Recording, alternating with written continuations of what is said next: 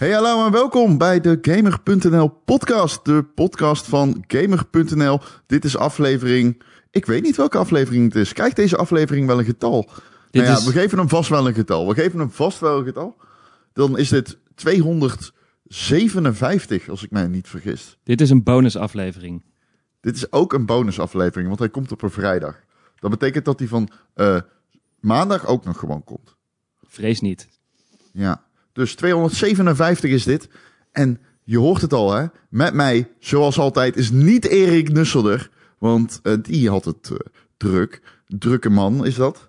Maar eh, de verloren zoon, hij is terug. Jawel, Arthur van Vliet. Hallo. Welkom, jongen. Ja, dankjewel. Leuk om er weer eens bij te zijn. Het is, Hoe is het met je? Goed. Goed. Niet meer, niet meer zo vaak in de podcast, maar zeker nog wel actief op gamer.nl. Als eindredacteur, eindredacteur vooral. En ehm, ja, ik hou van terugkijken en dat is wat we vandaag gaan doen. Dat is wat we vandaag gaan doen. Ik heb er al een beetje naar gerefereerd in de afgelopen podcasts. We hebben het natuurlijk heel lang gehad over dat Game.nl 20 jaar is geworden. Eh, dat is eh, allemaal mooi en aardig. Veel daarover is op de site te vinden. Maar we doen ook een bijzondere top 100. Want het decennium is bijna afgelopen. We gaan de jaren 20 in. Of gaan we de, ja, de jaren 20 gaan we in. Ik vind dat, Dat wel klinkt- raar klinken. Dat klinkt zo bizar. Dat klinkt, Het klinkt- echt alsof gewoon weer net een oorlog is geweest en we straks Precies, alsof een, mensen de emmer spis uit het raam flikkeren gewoon. Het voelt gewoon als middeleeuwse shit. Dat klopt niet. Nou, we gaan ook steeds meer een beetje terug naar de middeleeuwen qua eh, politiek en opvattingen misschien. Maar dat Ja, is een heel ander wel. verhaal. Oké, oké. Dat, is, dat is een andere discussie. Ehm, we kunnen het ook een politiek, voor, politiek format maken. Dat kunnen we ook doen, maar laten we dat nu niet doen. Laten we nu gewoon gaan hebben over de beste 100 games van de afgelopen 10 motherfucking jaar, Arthur van Vliet. Tien jaar. Dat is echt 10 bizar. fucking jaar. Hoe, Dat is de helft van Gamer.nl's leven. Ja, en dat is bizar. En, en, en ik, het, ik, ik had een beetje dit idee om dit te gaan doen. Eh, want, eh, nou ja, wat ik al zei, ik vind het heel leuk om terug te kijken. Maar ik vind het ook heel leuk om dat je, als je 100 games op een rij zet, zie je ook meteen een soort van de ontwikkeling die we hebben meegemaakt. En wij zitten allebei al een tijdje in het vak hier. En ehm, sinds wanneer ben jij, zit, beschrijf jij over games? 2006. Ja, ik sinds 2008 en de wereld is zo erg veranderd. En dat, dat merk je pas echt als je zoiets als dit gaat maken, zo'n top 100 van het decennium. Ehm, de games zijn zo all over the place en zeggen zoveel over wat er allemaal is gebeurd de afgelopen jaren. En ehm, ja, dat is, Het is fijn. echt bizar. Ik heb, want ehm, we gaan vandaag alle 100 games gaan we doornemen. De eerste gaan we heel erg snel doen. De Rapido. Want eh, ik heb eh, de teksten zoals die op de website staan. Want vandaag is het vrijdag. Dat betekent dat gisteren is, de, eh, is het derde deel van de top 100 uitgekomen. Wat eh, 50 tot en met 26 was. En die heb ik geschreven. Ja. En jij hebt 25 tot en met 1 geschreven. Die is eh, ja, net online gekomen dus. Ik heb mij mogen ontfermen over de allerbeste games van 2010 tot en met 2019. En ik over de bijna. Dus samen staan we, zijn we verantwoordelijk voor de 50. Ja, en mijn god, wat een games zijn dat. Maar daar zijn we voorlopig nog niet. Daar zijn we absoluut nog niet. Laten we eerst eens even gaan vertellen wat het proces behelsde. Arthur, wil jij dat doen of zal ik dat doen? Eh, zal ik daar maar even een beginnetje mee geven? Ehm, ja, hoe doe je dat? 100 games op een rijtje zetten en dan ook nog eh, in een bepaalde volgorde zetten. Dat begint eigenlijk Scheldend. scheldend, maar de, voor het schelden begint het bij eh, selecteren. En dat betekent vooral door heel veel oude reviews van eh, Gamer.nl ten eerste gaan bladeren. Kijken wat voor cijfers we hebben gegeven. Kijken überhaupt wat voor games er zijn verschenen. Ehm, en daar kwam een lijst uit van, wat was het? Iets van 350 titels die gewoon een, laten we zeggen, een 8 of hoger hadden gescoord op Gamer.nl. Er zaten ook een aantal games bij die lager hebben gescoord, maar die zich in de jaren daarna hebben bewezen als toch heel belangrijk voor eh, de industrie of Benium of wat dan ook. En er zaten games tussen die wij überhaupt helemaal hebben gemist. Dat, eh, ja, wij zijn ook niet perfect. Ehm, en eh, dat, dat was, heb ik in, in eerste instantie gedaan. Daarna heb ik, eh, wij hebben een eh, grote chatgroep eigenlijk binnen de redactie. En daar heb ik nog de lijst weer ingegooid en gevraagd, wat mis ik? En daar, toen kwam iedereen natuurlijk nog met zijn darlings die ik over het hoofd had gezien. En uiteindelijk eindigde dat dus in een lijst van 350 titels. En die lijst hadden we eigenlijk ook al gewoon in zijn geheel online kunnen gooien. Want dat was al fantastisch wat er allemaal tussen zat. Ehm, maar toen de volgende stap was eh, iedereen te laten stemmen. En dat heeft iedereen gedaan en dat is echt heel leuk om te zien. Want ik was ongeveer de enige die uh, aan de achterkant kon zien hoe, de, hoe een stemmer verliep. Dus het was bijna een soort wedstrijd uh, die je zag gaan van... oh, die krijgt zoveel punten en huh, waarom stemt iemand...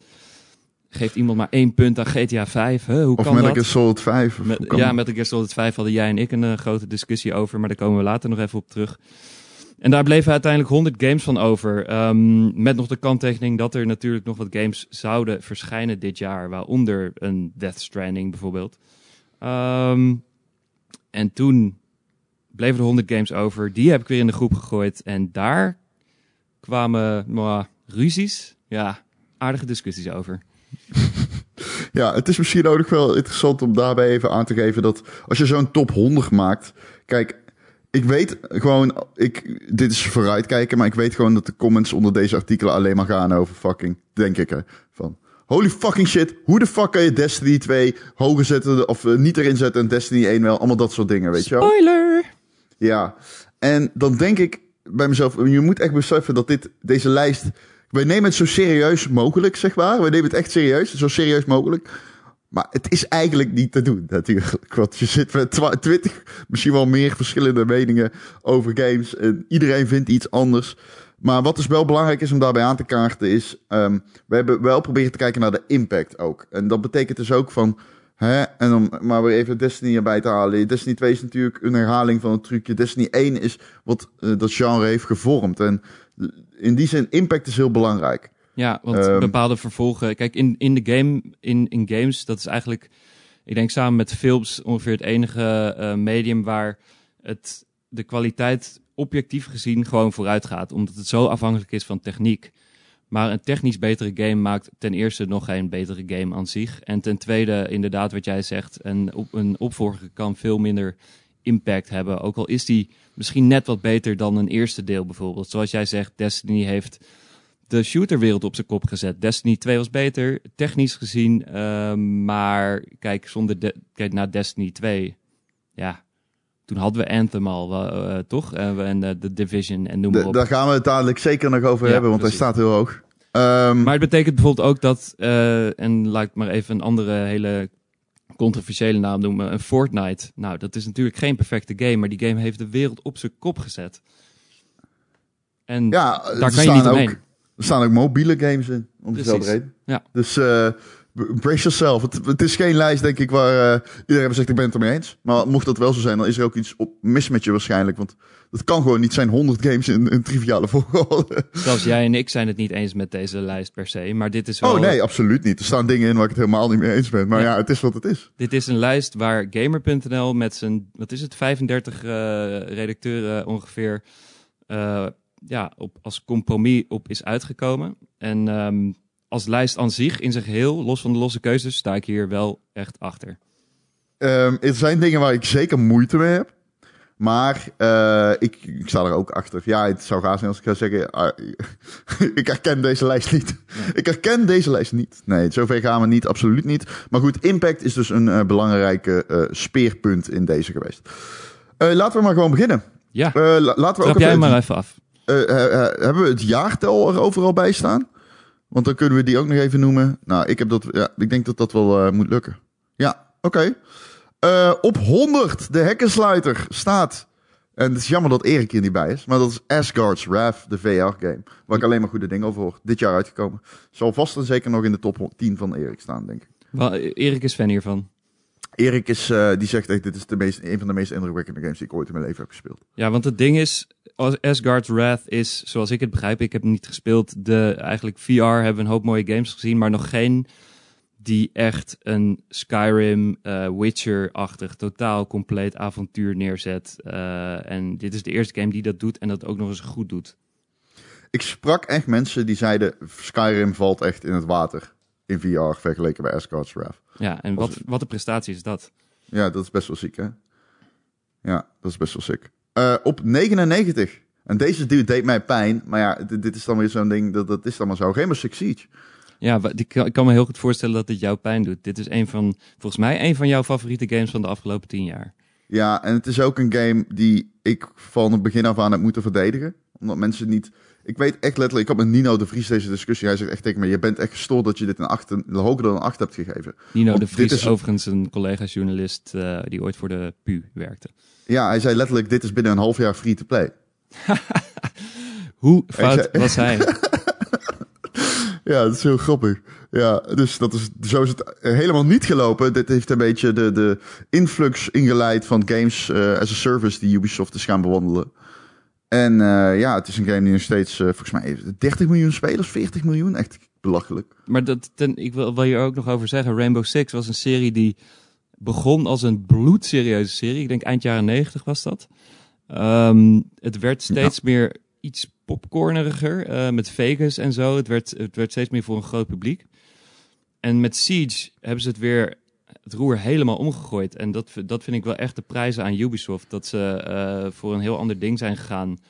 Ehm, nou ja, blijkbaar ook wat risico hebben genomen gezien de eerste reacties op de game. Maar eh, nu jaren later echt totaal hun gelijk hebben gekregen. En een serie die dus eigenlijk al twintig jaar oud is, zo'n eh, boost hebben kunnen geven. Dat het gewoon een game is die, ehm, ja, waar we nu over praten als een van de beste shooters van de afgelopen tien jaar.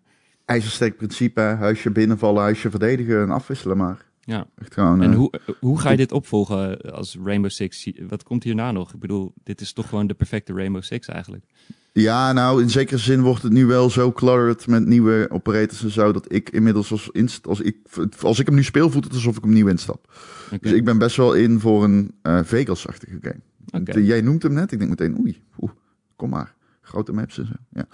Eh, op 98 ook een game die mij aan het hart gaat. Ja, nog een Ja, shooter. Ja, Counter-Strike. ja, ja. Global Counter-Strike Offensive. Global Offensive. De game die maar niet wil sterven. Ja, de game die maar met nieuwe knife skins komt en dan weer... Waarvan ik denk, jezus, is die echt 4K waard? Ja.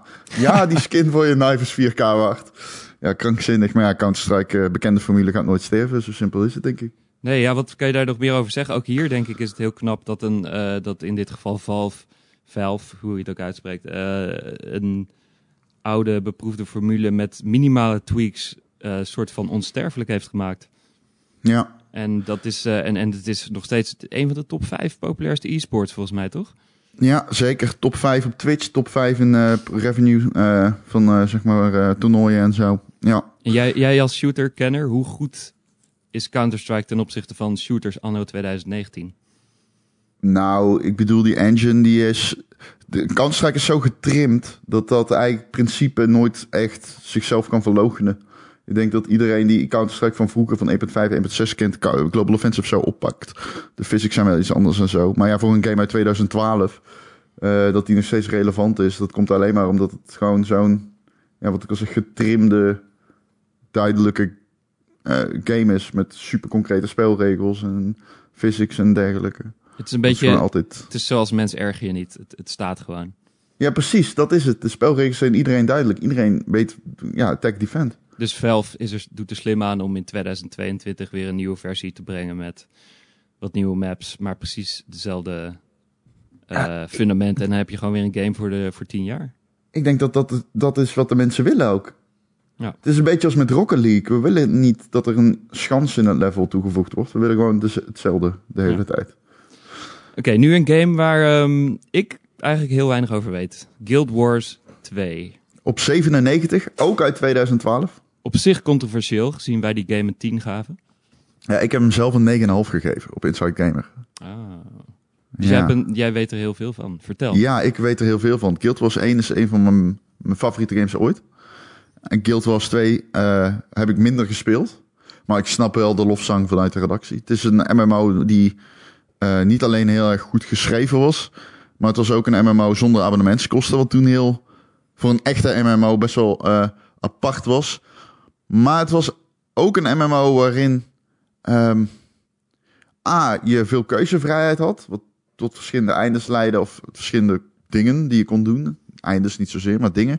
En er was een hele natuurlijke queststructuur. Dan kwam je ergens een nieuw gebied binnen en dan kon je in plaats van eerst met een mannetje met een uitroepteken boven zijn hoofd praten, kon je gewoon meteen beginnen met vijanden sleeën en eh, bijvoorbeeld als dan kwam, kwam er een draak overvliegen en dan ging je met een groep spelers die draak achtervolgen. Dat was een heel natuurlijk verloop.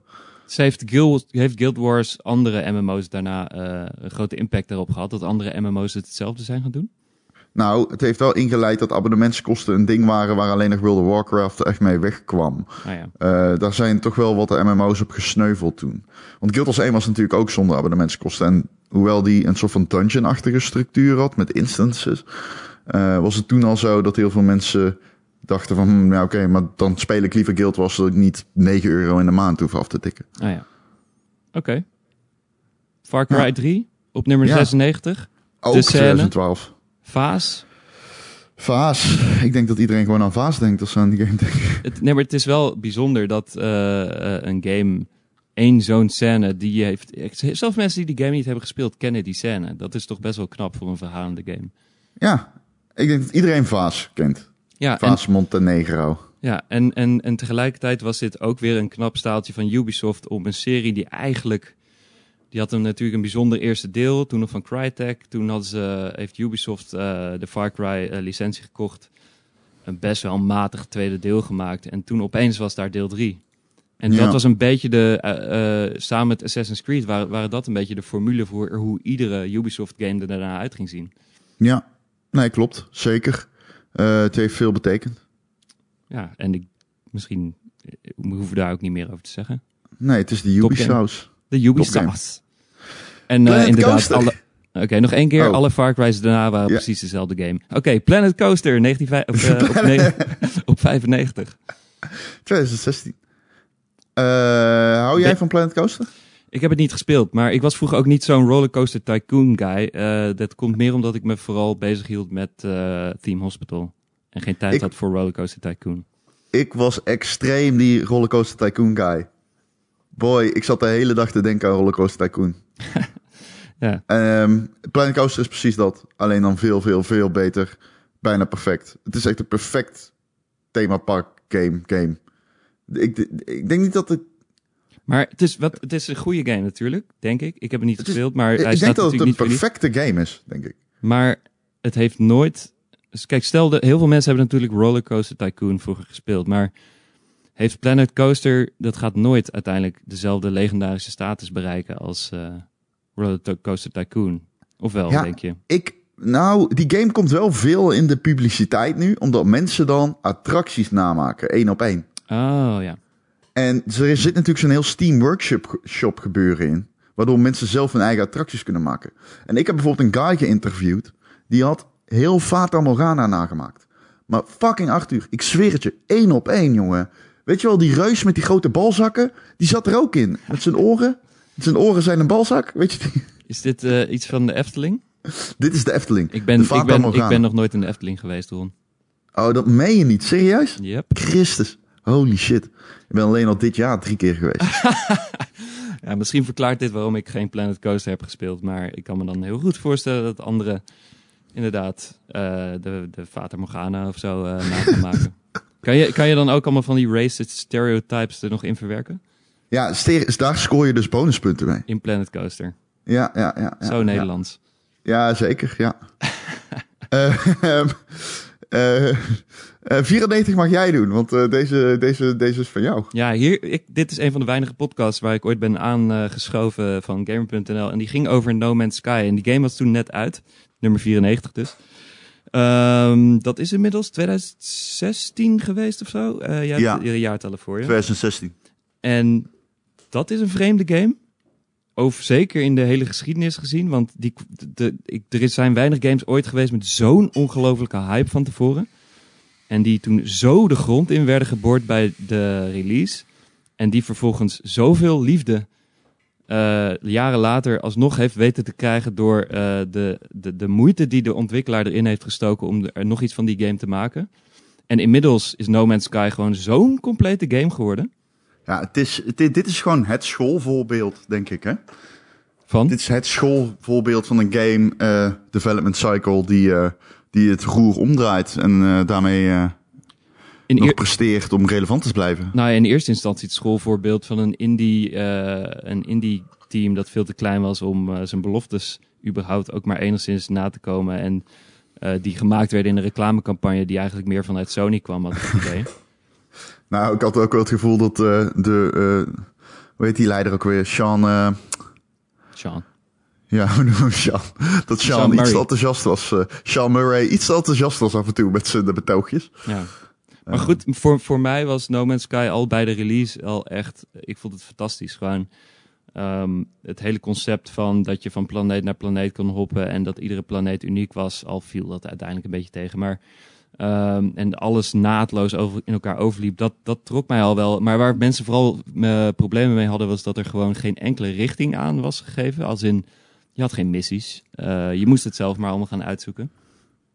En ja, dat is, dat is een ding waar uiteindelijk No Man's Sky wel in is veranderd. En nu staat er een game die denk ik zowel voor mij leuk is als voor mensen die toch iets meer eh, bij de hand genomen willen worden. Ja. En ehm, nu is het bijna een soort, ja, ik zou het bijna Minecraft-achtig willen noemen. Met alle dingen die je kan doen daar. Ja, het is eh, een eh, heel intimiderende game als je hem nu opstart ook, vond ik. Ja? Ik wist niet meer waar ik moest beginnen, maar ik vond het wel meteen heel erg interessant weer. Ja. En het blijft natuurlijk gewoon fascinerend, de techniek erachter. Ja, ook. De hele eh, procedureel gegenereerde werelden en zo. Ja. Ja. Oké, nummer 93, Resident Evil 7, Biohazard. Ik ben geen Resident Evil man, dus ik kan hier niet zoveel over zeggen. Ik eh, ben eh, absoluut een Resident Evil man, dus ik kan hier zeker iets over zeggen. En wat betekende Resident Evil 7 voor jou?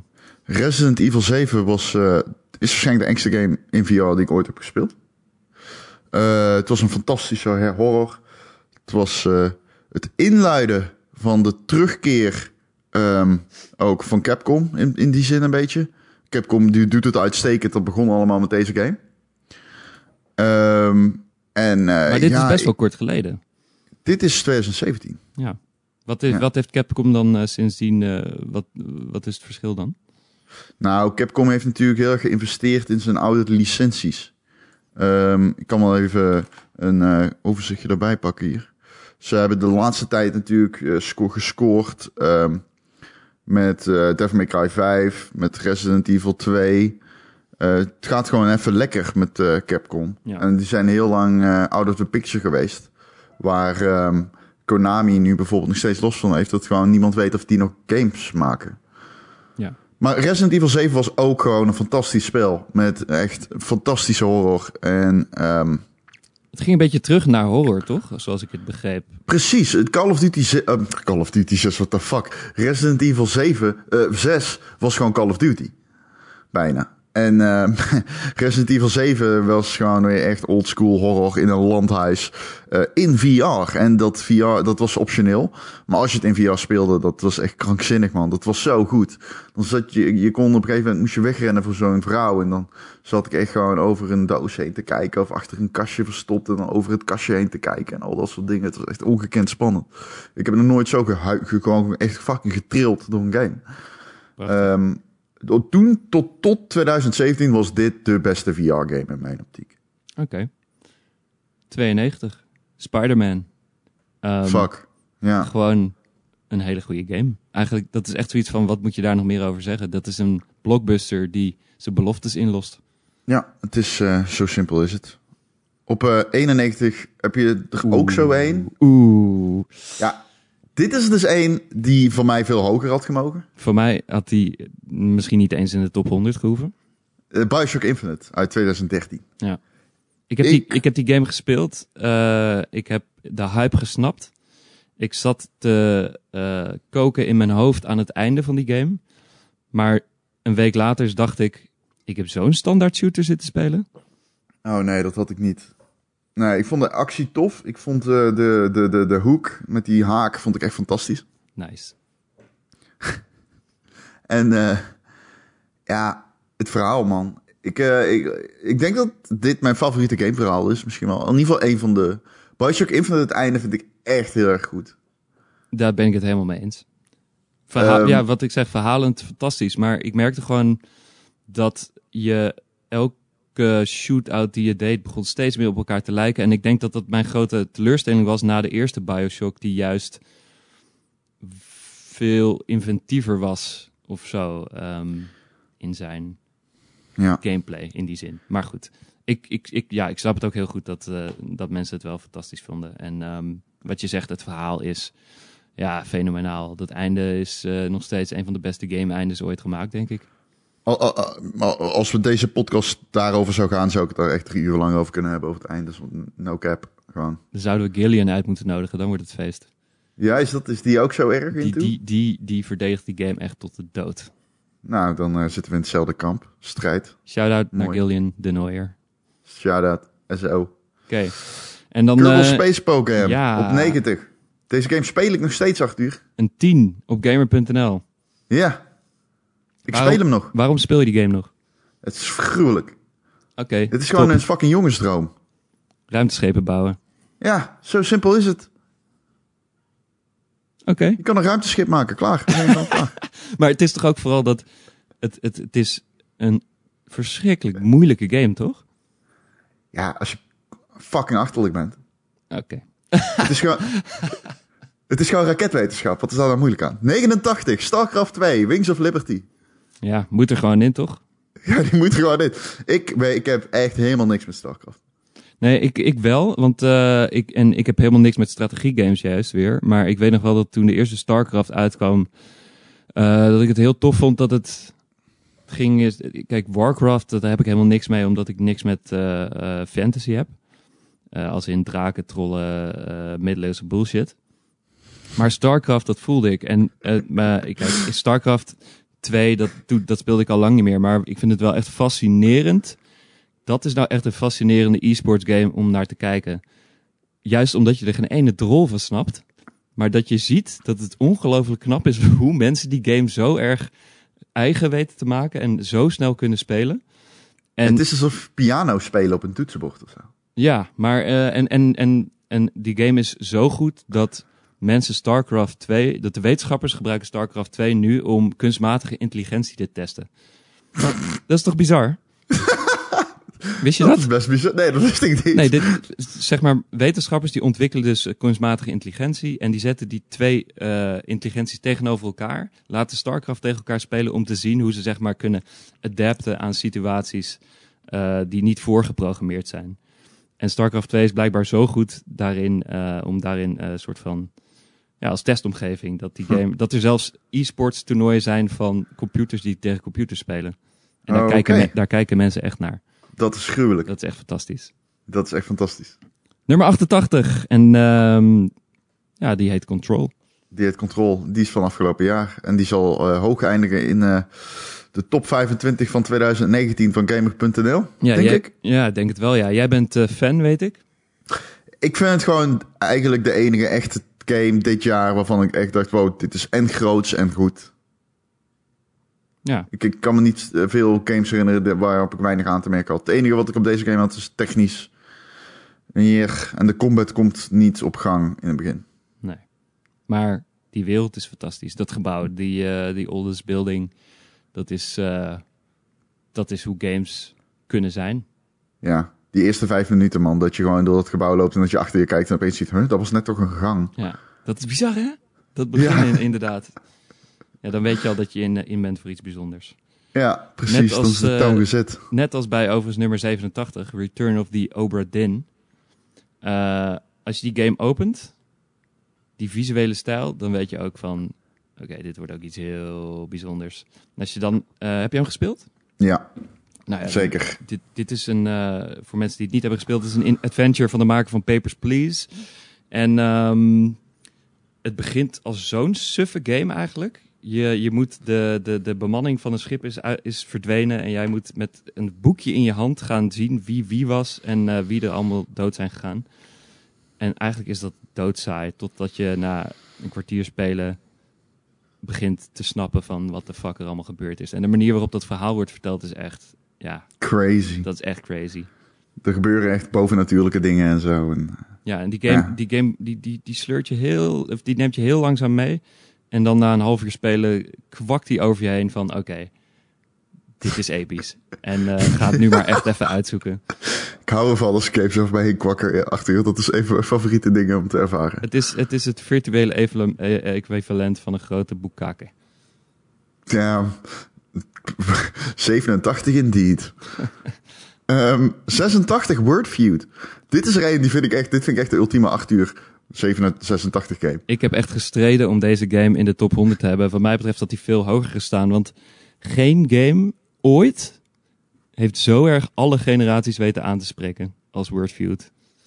Nou, ik denk dat het klopt. En het is, eh, dus denk de succesvolste, misschien niet qua opbrengsten, maar wel de meest gespeelde mobiele game onge- ongeveer, gok ik. Ehm, je speelt het tegen je moeder, je vader, je oom, je opa en oma. Je speelt het tegen je broertje van vijf. Eh, nou ja, die net nog niet misschien, maar die legt daar. Zou zou die dat accepteren? Misschien wel. Weet ik niet. Er zijn hele, er zijn hele cheat websites voor eh, die, die waarschijnlijk 80% van de mensen ernaast houden als een potje spelen van ik heb deze letters, eh, welke woorden kan ik daarmee leggen? Ehm, het is gewoon Scrabble. Het is eigenlijk bullshit, maar het werkt op de een of andere manier. En de chatfunctie erbij is leuk. En eh, ja, wat moet je nog meer over zeggen? Jij, de luisteraar, hebt Wordfeud ook gespeeld. Dus jij weet het gewoon. Ja. Wat je misschien ook weet, is dat Skate Een deel eh, 4 nodig heeft. De- maar verlopen is. Het eh, trademark is niet verlengd door EA. Dat is bizar, hè? Ja, dat is echt heel bizar. Heel bizar. Skate 3 staat op, eh, op 85. Skate 3 op de valreep van het decennium 2010. Ja. Ehm,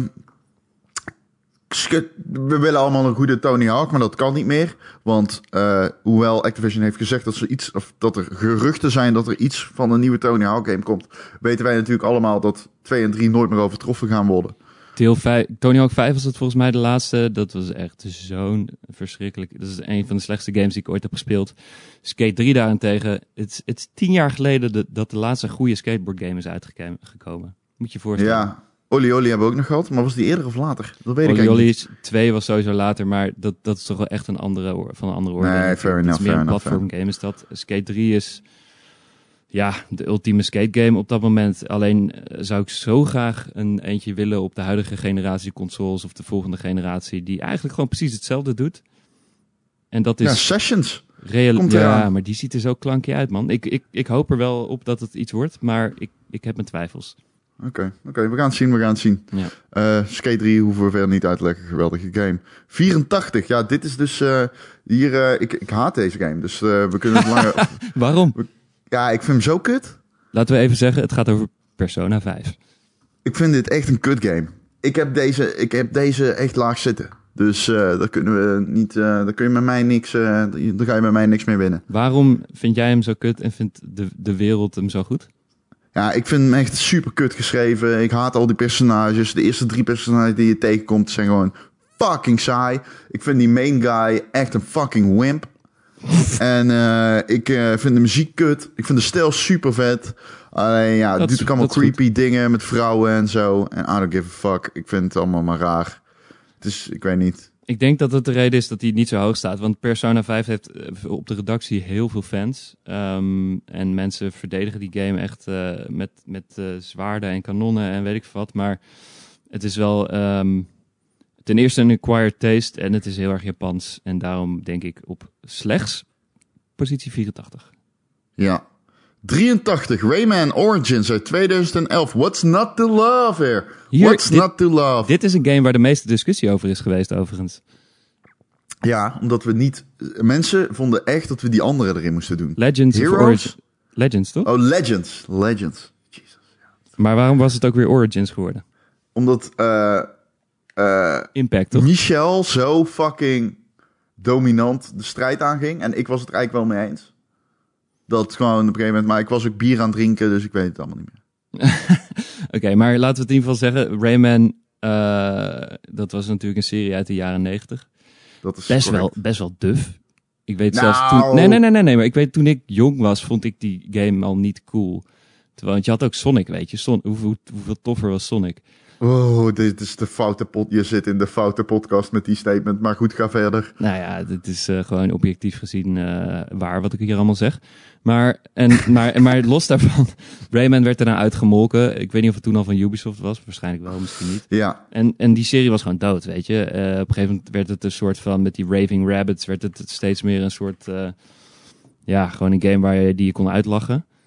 En toen, opeens, eh, was er een goede Rayman. ja. Een prachtige Rayman. Een geweldige Rayman. Ja. Eentje die iedereen eh omarmde. En die nog steeds overeind staat als een van de beste platformgames eh, in een hele traditionele vorm. Want ik bedoel, hoeveel anders is het nou dan Super Mario Bros. 1 op, in de jaren 80? Uh, maar dat bewijst meer van dat uh, platformers, en we gaan er nog meer zien in deze lijst, dat platformers tijdloos zijn. En uh, Rayman is een van de beste in zijn soort. 100%. Nummer 82. Borderlands 2. Uit 2012. Borderlands 2. Misschien wel een van de beste co-op games die ik ooit heb gespeeld, Arthur. Oh ja? Heb je dan mooi zeker. met vrienden, met gamer-redacteuren, met wie dan ook gespeeld? Ja, met vrienden en vriendinnen ook nog zelfs. Um, dat was echt een, uh, een, een, een, geweldige game. Eentje die um, goede schietactie wist te combineren met... Uh, ik durf bijna niet te zeggen goed schrijfwerk.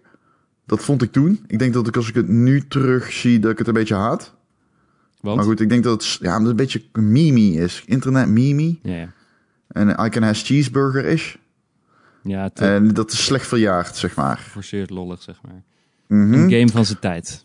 Ja, precies een game die heel erg binnen die tijdsgeest uh, functioneert en daarbuiten al snel uh, elan verliest. Maar wel de beste in de serie. En die serie uh, heeft het heel Zonder goed twijfel. gedaan en is nog steeds populair. Dus Borderlands Ja. 2. Zeker. 81, 2018. En dit is een shocker. Maar dat komt natuurlijk omdat die uh, dan, dan gelaunched is. Hè? Dat is Daisy. Ja. Zeg het maar. Ik heb hem nooit gespeeld. Ik heb hem ook nooit gespeeld. Ik had toen geen PC. Ik heb hem altijd willen spelen.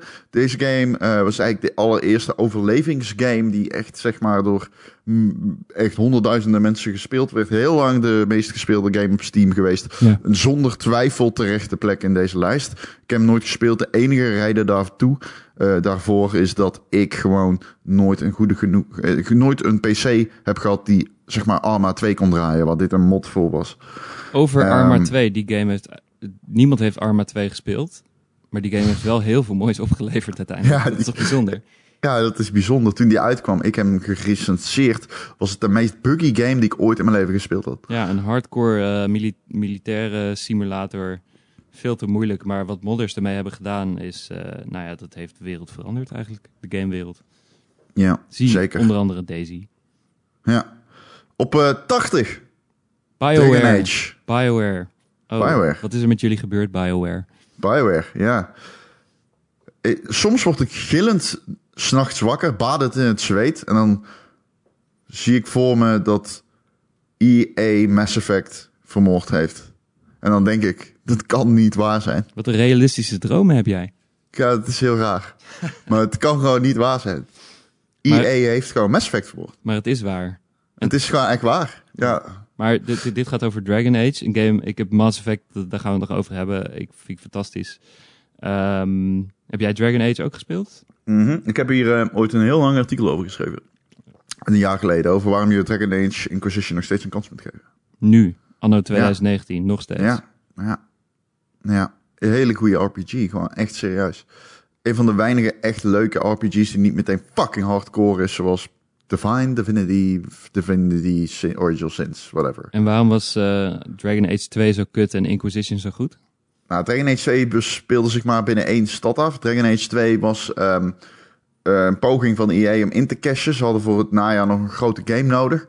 Dus toen zeiden ze, maar jullie krijgen een jaar. Eh, iedereen bij BioWare zei, we mogen dit niet zo in de markt zetten. Dit is, hier, onze hele reputatie gaat naar de knoppen. Dit spel is gewoon niet af. En EA zei, ja, doe het toch maar. Ehm, en ja. Dragon Age 2 was gewoon een falikant mislukt product. Maar eh, voor Inquisition kregen ze de tijd. Inquisition moest gemaakt worden met de eh, cyber, de, de Frostbite engine van eh, DICE. Ja. En om even aan te geven, die engine had nog geen systeem om savepunten te implementeren. Omdat je die in first-person shooters als Battlefield niet nodig had. Er was geen third-person view.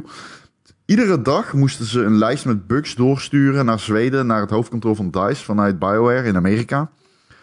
En iedere nacht kregen ze pas antwoord, omdat er natuurlijk een tijdverschil was van 9 uur. Mhm. Als je die verslagen leest, daarom heb ik dat stuk geschreven over het maken van Dragon Age Inquisition. Dat is het grootste horrorverhaal over development dat ik ooit in mijn leven gehoord heb. Een van die developers die zegt op een gegeven moment liep ik zo vaak binnen om mijn avondeten een zak chips te halen bij het tankstation naast het kantoor. Dat ze mij gewoon kenden en ik niet eens meer af hoefde te rekenen. Omdat ze gewoon wisten dat ik, dat, dat mijn avondeten was. En ik kwam iedere dag terug. Maar het was het waard dus, eh leven op de Ja. zakchips. Dankjewel, Bioware. Nummer 79. Bijz- Nou. Bijzondere game, Deus Ex Human Revolution. Ehm, we, Ja. ken- we kennen Deus Ex uit de, ja, rond 2000 is dat volgens mij. En ehm, dat was een legendarische game. Heel cult. Eh, heel niche wel. Ehm, en dan opeens besluit, eh, wat was het, Eidos, om eh, maar even een nieuwe Deus Ex te gaan maken. Met het grote risico om helemaal afgebrand te worden van... Nee, hoe durven jullie dit te doen? Hoe, hoe, hoe kunnen jullie het zo verneuken? En dan toch voor elkaar te krijgen eh, een, een van de beste games van de afgelopen tien jaar te maken. Zo. Die nog steeds evenveel keuzevrijheid gaf aan eh, spelers. Dat is best wel ongekend. Is dit die Robot Lives Matter game? Ja, nee, nee, nee, nee, dat was de opvolger. Oké, oké. En die was ook gewoon kut. Oké. Heb je, Ja. ja. maar Deus Ex is, is, is denk ik de definitie van, ehm, van vrijheid. En dat is een beetje zoals Dishonored ook en eh, dat soort games allemaal. Je krijgt een missie en je, hebt, je moet het maar zien. En ik ben daar niet, helemaal niet goed in. Ik heb die game gespeeld, maar ik, ik, ik ben blijkbaar niet creatief. Want ik, eh, ik zie gewoon 90% van de opties zie ik gewoon niet. En daardoor is, Nee. daardoor is een game ook net wat minder leuk om te spelen. Maar mensen die juist, van die mensen die om elk hoekje gaan kijken van, hé, hey, wat is hier aan de hand? Dat, het is een game voor dat soort mensen. En, en, en Human Revolution beloont dat soort spel heel erg. Oh, wauw. Ja, ik, sorry, ja, ik zeg oh, wauw, omdat ik de volgende game op de lijst zie staan. Maar eh, ja, nee, ik geloof ja. Nou, laten we er maar naar de volgende game gaan. Nou, deze heeft best wel... Dit is de game eh, waar bij de discussie richting ruzie ging op een gegeven moment. Dat ik echt even naar buiten Ja. ben gelopen en gezegd heb... Oké, ik heb even... Ik heb even gewoon even eh, een luchtje nodig. Nou ja, het, het is wel... Iedereen die de podcast luistert weet dat ik een gigantisch Kojima-fan ben. Ik speel ieder jaar eh, bijna alle Metal Gear Solid games opnieuw uit. Ik heb een week geleden door deel 4 uitgespeeld. ben nu bezig met 5. Ehm Death Stranding 2019 Ja, ik, op eh, 78. ja, ik weet dat jij hier een mening over hebt. En ik weet dat jouw mening all over the place is gegaan. Ook in jouw hele speelsessie van begin tot eind. Niet normaal. Ik weet nog steeds niet. Ik, ik, hij sta, ik denk dat ik wel een van de be- betere games van 2019 vind. Dat was eerst anders. Ja. Ik denk ook dat er bepaalde writing aan het einde is.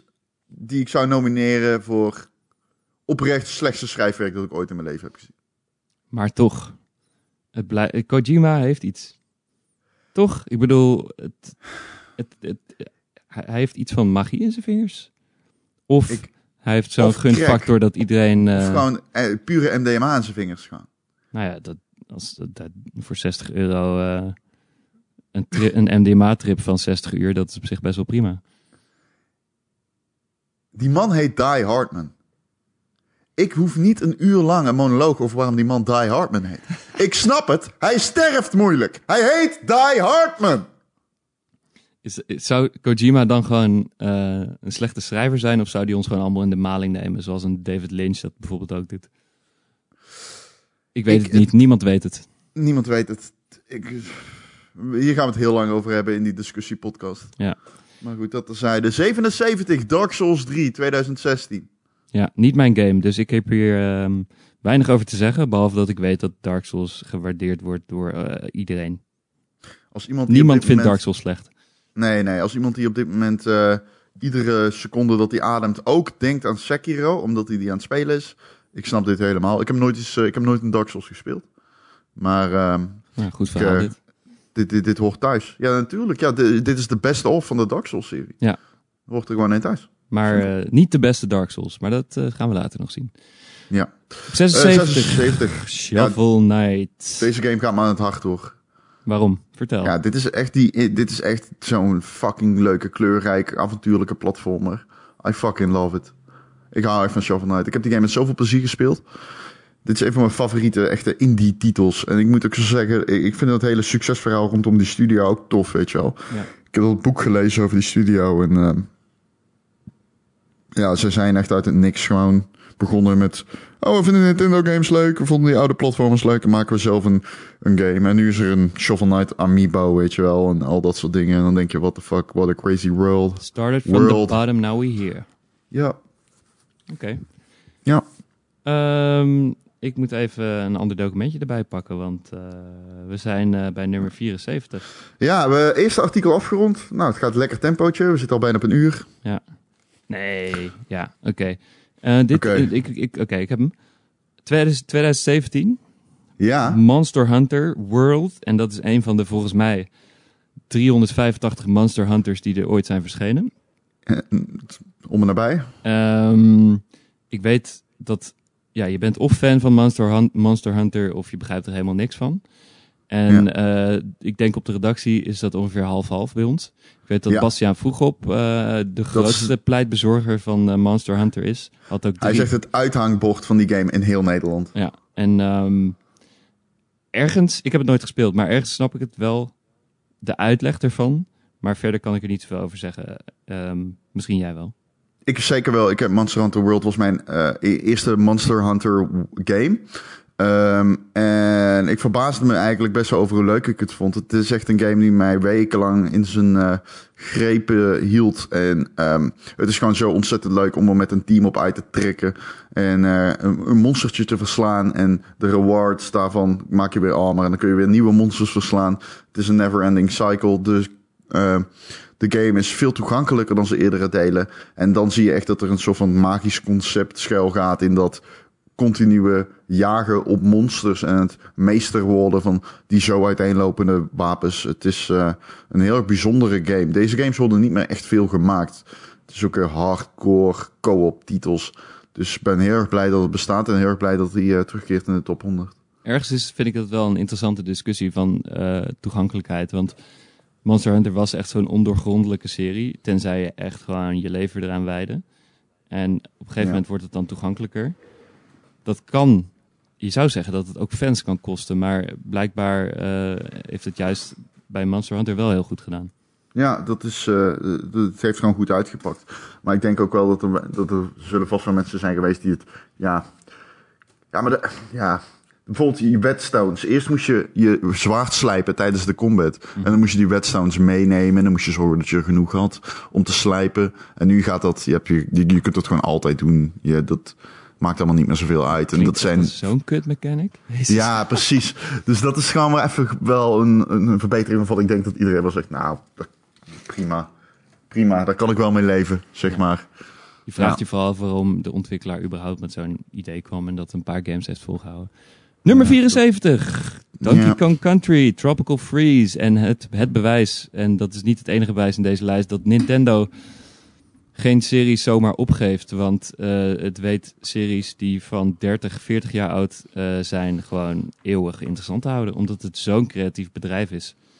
En eh, in dit geval is het natuurlijk Retro Studios, maar Donkey Kong is al eeuwen oud. En waar anders dan op een Nintendo-console kan je een game spelen die eigenlijk nog precies hetzelfde is als eh, de allereerste Donkey Kong. Maar toch zo vers voelt en zo, eh zo fantastische platform is, anno 2014.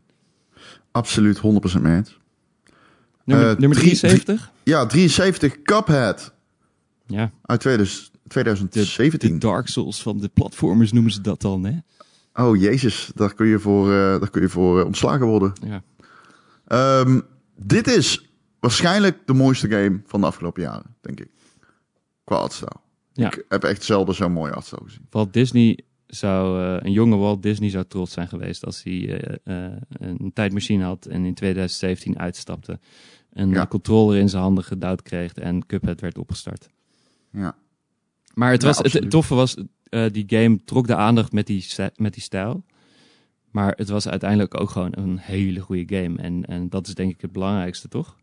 Ja, zeker, absoluut. Ieder puzzeltje, iedere eind, iedere... Het was eindbasis Los- verslaan gewoon. Ja, het was eindbazen, maar je had ook platformsegmentjes, die vond ik niet zo. Maar de, de, de, iedere eindbaas was een soort van puzzel. En het, ja, het was echt... eh, het bleef in dat opzicht gewoon steeds leuk om tegen die muur aan te lopen. Keer na keer na keer na keer na keer. Ja. Forza Horizon. 2016. Ja, van, ik, eh, dit is een discussie die ik altijd heb met eh, Joe. Ik vind eh 4 veel beter, maar Joe vindt 3 beter. Ja. Dus is het 3 geworden, want Joe is onze racing game expert. Hè? Ja, maar goed, los daarvan kunnen we toch zeggen dat, eh, dat, eh, dat dit is de sweet spot qua leuke racegames. Forza Eh, Horizon is, is hoe een, een game die jou serieus neemt, maar wel genoeg plezier biedt. En de perfecte Zonder balans twijfel. daarin weet te vinden. En kleurrijk is ook vooral. Ja, zonder twijfel. Deze game is echt fucking bijna perfect of zo. Ja. En als Ja. je niet van race games houdt, zelfs dan vind je Forza Horizon denk ik nog leuk. Ja, absoluut. 100%. 71 Ehm, is een hele bijzondere. Die eh, Ja. in 2015 eh, werd eh, de full motion video game, die zo bekend was in de, in de jaren 90, eh, games met echte acteurs erin, was plots opeens weer, werd bewezen dat dat kon. Dat het niet heel erg verouderd was. En die game die dat bewerkstelligde was Her Story. Een soort detective game, eh, nou een soort een detective game waarin je gewoon door een Windows 98-achtig computer zat te bladeren om maar ehm, filmbeelden te bekijken en maar moest uitzoeken van wat er in vredesnaam gebeurd was. Ja, En dat werkte. absoluut. Het is Ja. echt fantastisch. Ik, dat vind ik, dat, de- ik bedoel, hoe je met zulke beperkte middelen zo'n simpel concept dat zo goed is en dat zo nieuw is ook ehm, weet te bouwen, is voor mij eh, wat een goede game definieert. Ja, absoluut. Absoluut. Op nummer 70, eh, de- en daar moet jij even over praten, Titanfall 2. Ja, Titanfall 2. Ik weet nog dat die game uitkwam en dat ik dacht, nou, die singleplayer kan toch niet zo goed zijn als iedereen zegt. En dat was die wel. Titanfall 2 is echt Respawn's kindje gewoon. Het is alles wat die studio ademt in één game gegoten. De multiplayer is bijna perfect en de singleplayer is ook bijna perfect. En het is zo knap dat een game eh, van een studio waarvan we eigenlijk denken dat zo van one trick pony steeds maar weer bewijst dat die meer kunnen. Eh, Ik bedoel, Jedi Fallen Order is daar ook een voorbeeld van, maar eh Titanfall 2 was daar toen ook al een voorbeeld van. Dat je gewoon echt gewoon een singleplayer campaign hebt die bij vlagen in impact en mechanics gewoon zo innovatief is dat die doet denken aan die van Call of Duty 4. Wat wellicht geen eh, toeval is, omdat natuurlijk eh Respawn Entertainment is opgericht door de breinen achter Call of Duty 4, Vincent Pella en Jason West. Maar ik vind het zo bijzonder dat, ehm, dat Titanfall 2 zo goed is, omdat Titanfall 1 was de definitie van de kleur grijs ongeveer. Wat Nou, vind je? Niemand, er zat helemaal niks unieks aan die game. En eh, het- natuurlijk, het zat goed in elkaar, want het was door mensen met veel ervaring, zoals je zegt, van Call of Duty, was het gemaakt. Maar het had geen enkele aantrekkingskracht. En dat je dan zo terugkomt met Titanfall 2, dat is toch, dat vind ik wel echt heel erg knap. Nou, ik vond eh Titanfall 1 een fantastisch spel. Ik was er heel erg weg van. Ehm, en dat eh, vloeiend, dat, die 60 fps wallrunnings en zo, dat kon je nergens anders krijgen op de console. Ja, maar die aankleding, dat, sloeg, dat was gewoon ja, doodsaai. Ja, er zat geen singleplayer in. Het was gewoon alleen een multiplayer game. Ja. Dus er zat, geen er zat wel lore in, maar die was totaal niet uitgediept of zo. Hey, en ehm, Apex Legends of Titanfall 2? Titanfall 2, Duidelijk. ja. ja. Maar Dat is zonder, ja, en zonder Titanfall 2 was er natuurlijk geen Apex Legends geweest. En, ehm, Nee, nee. Maar goed. Nummer 69 is een, eh, ben ik heel blij eigenlijk dat we die nog erin hebben gezet. Want er staan bijzonder weinig eh, racing games in deze top 100. eh, waardoor je zou kunnen denken dat het racegenre dood is. en dat is ten opzichte van de jaren 90 ook wel zo. Maar Ja, Dirt Rally. Eh, ik vind het knap dat de rally simulator opeens weer bestond en blijkbaar eh, dat daar nog zoveel te winnen viel. Want Codemasters die bracht opeens een game uit die eh, ja, perfect was. In Is dat zo? 2015. ik, ge- ik geef deze aan jou hoor, want ik ben heel erg onbekend met Dirt Rally. Ik heb hem wel gespeeld, maar... Laat ik het zo zeggen. Ik, het is een moeilijk genre, denk ik, om games van te maken, omdat rally eigenlijk doodsaai is. Je race niet tegen andere mensen. Je zit, eh, als je echt een rally race zou willen simuleren, dan zit je, wat is het, twee uur alleen maar met de meeste, dan moet je gewoon bijna eh Ritalin nemen om genoeg focus te hebben om foutloos het einde te halen.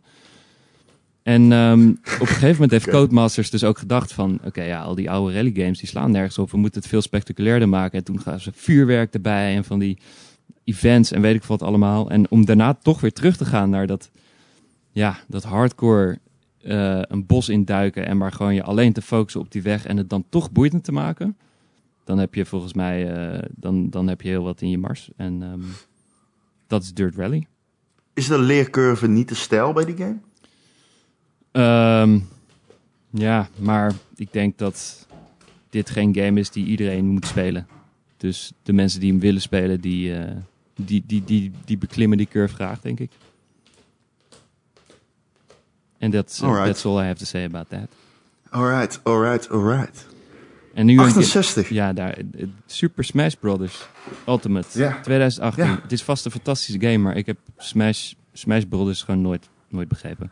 Nee, ik ook niet. Ik snap het echt niet. Speel gewoon een normaal vechtspel of speel een platformer, maar niet één van de twee. Nee, maar ik geloof graag dat dit eh, de ultieme versie is van een game die al heel populair is. En het is natuurlijk in e-sport vorm eh, aan de andere kant van de wereld heel populair. En het bewijs dat de Switch gewoon heel lekker gaat. Toch? Ehm, nou, als je ziet hoeveel de game verkocht is, lijkt me dat een veilig statement. Ja. Christus. Nog een game die, eh, die belachelijk veel verkocht is. Ja, maar dat komt ook omdat hij te spelen is op bijvoorbeeld je magnetron. Maar goed, dat terzijde. Diablo 3. Ben jij een Diablo-fan? Mhm. En wat Ja, vond jij moet- van Diablo 3 toen hij uitkwam? Eh, ik vond hem fantastisch. Ik snapte helemaal niks van de kritiek. Dus eh, Hij zou ik te- vond hem heel erg vet. Hij zou te cartoony zijn, was toch een beetje de kritiek ten opzichte van de uber duistere eh, Diablo 1 en 2. Ja, maar dan zie ik Diablo 4 en dan, is het, dan denk ik, ja, dat is ook maar grauw. Dus Dus ja, ik zit niet helemaal in dat kamp. nee. Ja, ik dacht dus, ik, heb, ik ben pas heel laat ingestapt bij Diablo. Ik dacht altijd dat ik het niet leuk zou vinden, omdat Blizzard Games qua stijl mij niet zou liggen. Maar ik vind het fantastisch hoe je daar gewoon binnen een uur zit je zo erg diep in die game en wil je gewoon niks anders meer. Het speelt gewoon zo goed. En eh, ik heb waarschijnlijk echt alleen maar het oppervlak, de, oppervlak geraakt van deze van Diablo. En wat Diablo allemaal kan. Maar ja, het is eigenlijk een game die iedereen gewoon zou moeten proberen. En dat is een game die iedereen kan proberen. Want wat je zegt, je, je speelt hem op je elektronische toilet in Japan. eh dat zeg maar je anus aan het blussen. Terwijl je anus geblust wordt, kan je Zo. ook gewoon Diablo spelen. Op de toiletbril. Ik ben in Japan geweest, hè. De toiletgame in Japan loopt zo ver voor, Arthur, op Europa. Dat is echt schandalig. Zij snappen, wij- zij snappen poepen op manieren die wij niet begrijpen. Ik geloof je, ik, ik geloof je per woord. Echt serieus, het is echt een ervaring. Op eh, 66, over een ervaring gesproken. Astrobot, Astrobot. Rescue Mission. Ja, twee jaar oud, 2018. Ehm, ik heb deze game niet gespeeld, omdat ik toen al mijn headset had verkocht. Ja, zonde eigenlijk. Ja, want iedereen zegt dat dit de beste VR-game is. Ik heb hem ook niet gespeeld, dus eh, ik kan er weinig over zeggen. Maar ehm, wat het schijnbaar zo bijzonder maakt is... eh, schijnbaar, wat het bijzonder maakt is dat je... Je beweging van je hoofd... Je, je krijgt zelf een rol in de game, zeg maar. Je, had natuurlijk ook eh, Super Lucky Stil of zo... wat een hele middelmatige platform was... waar je gewoon met de camera achter je poppetje aanrende. Maar Astrobot, daar, daar, daar kon je ook echt... Daar moest je je hoofd gebruiken, letterlijk... om, eh, om de game te kunnen spelen. En eh, dat is cool. Heel goed. Staat deze ook zo in de tekst? Want ik vind hem, Ik- ja, ik vind hem heel goed. Ja, Letterlijk en figuurlijk. ook in volgens mij. Maar ik, eh, oh ja. ja. Ja, ik heb deze Ah, geredigeerd, dus ik heb dat er ook in gezet volgens mij. Ah, kijk, je hebt het even Michel verstemd. Eh 65 is een eh, game waarvan ik verwacht had dat ik hem nooit leuk zou vinden, maar waar ik uiteindelijk eh, verslingerd aan raakte. Hearthstone. Oh, echt waar? Ja. Oké, ja, oké. nou, leg maar uit dan. Nou, ik, nou, ik ga het nogmaals, nogmaals zeggen. Ik heb niks met elfen, trollen, draken, Warcraft, middeleeuwen. eh, laat staan Magic the Gathering. En toen ehm, ging ik een keer Hearthstone spelen omdat ik naar het, naar het wereldkampioenschap Hearthstone ging. En dat was in Amsterdam, in de beurs van Berlage. Ah, ja. Ik dacht, ik moet weten waar het over gaat. Eh, ik speel het even een kwartiertje en, ehm, en dan, eh, weet je, dan kan ik in ieder geval even meelullen met de mensen die ik interview daar. Nou, ik heb die game eh, een week lang alleen maar zitten spelen, omdat het gewoon, het is, ja, het is gewoon perfect. Speel je hem op je telefoon dan? Nee, ik speelde hem op mijn, eh, op mijn laptop. Ja, het is, ja, hoe leg je het uit? Ik denk dat iedereen eigenlijk Hearthstone wel heeft gespeeld. Het is gratis ten eerste. Ehm, maar het is zo makkelijk om in te komen. En het voelt zo eerlijk ook of zo. Heel goed gebalanceerd. Ja. En ehm, hoe, het, het is eigenlijk best wel een complexe game van wat, wat je allemaal ermee kan doen. Maar toch, je snapt het in drie minuten. Ja. En het blijft eeuwig leuk. Zonder dat je, nou ja, oké, op een gegeven moment moet je misschien wel gaan investeren in pakjes en weet ik veel wat. Maar zover ben ik nooit gekomen. Maar ehm, het, is, het is een bewijs van hoe eh, Blizzard zijn IP's en zijn, eh, zijn, zijn erfenis toch steeds weer een nieuw leven weet in te blazen. En ehm, het is Ja, een- ze bewaken het alsof het heiligdom is. ja, en het is het, en hoe de fuck hebben ze het voor elkaar gekregen dat een kaartgame een e-sport is geworden waar miljoenen mensen naar kijken? Ja, dat vraag ik me altijd af bij Blizzard en e-sports. Krijgen ze dat toch steeds maar weer voor elkaar? Ja. Ehm, ja, dan gaan we maar weer verder, denk ik. Hè? Dan gaan we naar 65 Hearthstone. Eh, pardon, 64 Papers, Please, Christus. Eh, dat is dus een game die mij aan het hart gaat. Ja, mij ook. Ehm, het is echt mijn favoriete, een van mijn favoriete indie games. Eh, het is ontwikkeld door één guy, Lucas Pope heet hij. Het is dezelfde ontwikkelaar trouwens als Obra Dinn. Ja. Ehm, verscheen in 2003 en je speelt eigenlijk een immigratieofficier. Eh, bij, de, bij de grensovergang eh, in, in een oud communi- communistisch fictief eh, Oostblokland. Ja. Arstotska. Glory. Ja, glory to Arstotska. Eh, wat je doet is, er komen steeds mensen aan. En jij moet eigenlijk kijken naar hun paspoort, naar hun gezicht en dan naar hun verklaring. En, En, dan, en hoe fucking saai klinkt dat? ja, dat klinkt echt fucking saai, maar het is aan jou om te bepalen wie er Arstotska binnen mag en wie niet. En voor je het weet, eh, ja, eh, espionage, gevaarlijke figuren, eh, noem het maar op. Je ontrafelt een heel erg plot en ehm, het is gewoon ontzettend fucking goed gedaan. Nou ja, en jij bent zelf als personage ook weer onderdeel van dat ehm, verhaal. Toch? En uiteindelijk is, het knapste is, is dat die game zes jaar later relevanter is dan toen die uitkwam eigenlijk, politiek gezien. Met, laten we het houden, met alle migratievraagstukken en noem maar op. Ja, het is zo'n game die politiek grijpt als zijn voornaamste speerpunt en eh, je gewoon aan het denken zet. Ja. Eigenlijk vind ik het jammer dat die maar op 64 staat. Maar Eh, eh, ja. de- de- Daar hebben wij geen zeggenschappen alleen over. Nee, maar goed, en er komen ook nog heel veel fantastische games. Maar Papers, Please is wel zo'n... Ja, het, wat ik het meest bijzondere vind is...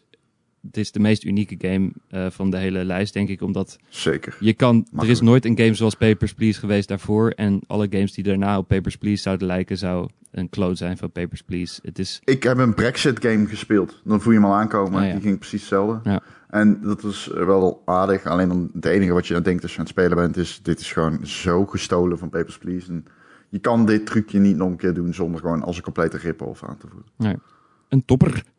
Een absolute topper. Een topper. 63. Geen, top, Fallout New Vegas. geen topper bij de release. Tenminste, zo werd hij niet gezien. Nee, deze game kreeg 8. 8 en 7,5. De- en, en het Iedereen feit dacht- dat die game 8 en 7,5 kreeg, betekende dat eh, Obsidian eh, de lul was. Het, ik vind het heel grappig dat Obsidian Entertainment eigenlijk... Het, is- het, het gebeurt heel vaak dat mensen nog steeds, zeg maar, eh, op foren en zo, als dan Obsidian Entertainment ehm, te, te, te sprake komt, dat ze dan meteen denken aan eh, Fallout New Vegas. En dat is natuurlijk best wel raar voor een ontwikkelaar die Neverwinter Nights en zo heeft gemaakt. Ja. Dan denk ik, oké, wel cool. Nu moet ik wel zeggen, Fallout New Vegas is waarschijnlijk wel hun beste game, denk ik. Durf ik te zeggen. Ik, eh, Ik heb geen andere games van hem gespeeld, dus ik weet het niet. Maar ik weet wel dat... Je kent toch dat verhaal dat eh, die game moest een 8,5 gemiddeld op Metacritic krijgen... Om, eh, zodat Obsidian een bonus kreeg. ja, ze kregen een 8,4 gemiddeld, omdat, omdat die game gerushed werd uitgebracht. Ze moesten hem uitbrengen van Bethesda. Daardoor was de game zo buggy dat de cijfers lagen, lagen uitvielen. Obsidian liep heel veel geld mis en was daardoor gewoon helemaal de sjaak. Terwijl uiteindelijk dit ongeveer de beste, nou, ongeveer, dit is gewoon de beste Fallout game sinds Fallout 3D is gegaan. Het Ja. is een heel triest verhaal, maar eh, de, de geschiedenis oordeelt heel mild voor Obsidian, omdat ehm, iedereen inmiddels weet en erkent dat dit gewoon eh New Vegas een fantastisch spel is. ja. En eh, als je nog zo'n ervaring zou willen die niet uit 2010 stamt, maar uit 2019, can I, mag ik aanraden The Outer Worlds. Want dat is eh, echt een game die mij in bijna ieder facet doet denken aan Fallout New Vegas. Dat mag. Ja, mooi. Dota 2 staat op 62. Ja, ik, eh, ik weet alleen dat het heel populair is, maar ik snap MOBA's gewoon niet. Ik weet je wat ik heb, man? Ik zweer het je, als ik de woorden Dota 2 zie staan, dan voel ik gewoon mezelf ranzig. Waarom? Ik weet niet. Ik denk gewoon meteen aan dat ik Doritos de hele dag eet. En ik moet aan die Warcraft-aflevering denken van South Park. Ja. Ja, dit is wel een beetje de, de, de vlees geworden eh, versie van die aflevering. Zelfs het woord vlees geworden is gewoon te ranzig als je het met Dota 2... Ik weet niet, ik vind alles eraan ranzig. Eh, mensen zijn super blij ermee. Ja. Het is letterlijk de meest gespeelde game op Steam ooit gemaakt. Ja. Maar ik, ik, ik moet eerlijk, ja, wat ik zal zeggen, ik snap, ik snap MOBA's gewoon niet. En, ehm, Oké, je hebt drie lanes. Ja, maar lanes, oh, wat het woord lanes, wat, wat is dat? Een laan. Een pad. Ja. En eh, ja, nee, ja, het is natuurlijk gewoon een, eh, een genre dat heel lang bestaat. Defender of the Ancients is natuurlijk gewoon een Warcraft 3 mod. Ja. En eh, ja, het is wel... Iedereen, men, ja, iedereen die spreekt zegt altijd... Ja, Dota 2 vind je leuk? Ik zeg, ja, nee. Maar ik kan niet stoppen met spelen. Het is een beetje wat FIFA ook heeft, hè? Net als, en net als mensen snappen voetbal soms niet. En ik ben zo'n persoon die Dota 2 niet snapt. Ja. Leg mij een lane uit en ik, voor mij is het alsof je de buitenspelregel uitlegt aan iemand die nog eh, nooit voetbal heeft gezien. ja Maar is goed. Eh, het is wel ongeveer een van de populairste e-sports van de afgelopen jaren. En ja, dat- zonder twijfel. Het is is een... Die community is zo toxic als het maar zijn kan. Maar dat krijg je als je gewoon eindeloos groot gegroeid bent. Ja. Het is eh, groter dan games aan zich bijna soms. Dus ja, ik- natuurlijk hoort hij in deze lijst. wat ik denk ik het mooie vind is dat eh, eh, ontwikkelaars maken soms games die bedoeld zijn als, om groot te worden op e-sport, op, eh, e-sportgebied. Ja, En moet het toegankelijk zijn. En in Nederland proberen we heel erg FIFA aan de man te brengen, want iedereen snapt dat. En een Ja. game als Dota 2 is, is tering ingewikkeld. Eh, en, en dat wordt dan uiteindelijk de populairste e-sport game voor jarenlang. Eh, de, de meest gespeelde game op Steam. En het was natuurlijk Dota 2, want dus we wisten al wel dat Dota 1 een succes was. Maar dat zijn van die concepten die je gewoon niet kan voorspellen. Dat ze Nee. zo populair kunnen worden. En dat vind ik Absoluut. mooi eraan. 100% eens. Absoluut, absoluut. Nu komen we bij een... Hier moeten we het even over hebben. Mhm. Metal Gear Solid 5, The Phantom Pain. En mag ik jou eerst een vraag stellen? Want ik weet Ja. dat jij hem eh, te hoog vindt staan. Eh, ik snap- nee, nee, dat is misschien... Oké, nee, goed, ga verder. Ehm, ik wil jou de vraag stellen. Wat als hier niet Metal Gear Solid 5 The Phantom Pain had gestaan, maar Ground Zeroes? Oeh. Ik bedacht me laatst. Die had ik waarschijnlijk gezegd dat hij hoger moest. Ja, het is eigenlijk bizar, want Ground Zeroes was natuurlijk, voor wie het even gemist heeft, eh, was een soort betaalde proloog voor Metal Gear Solid 5.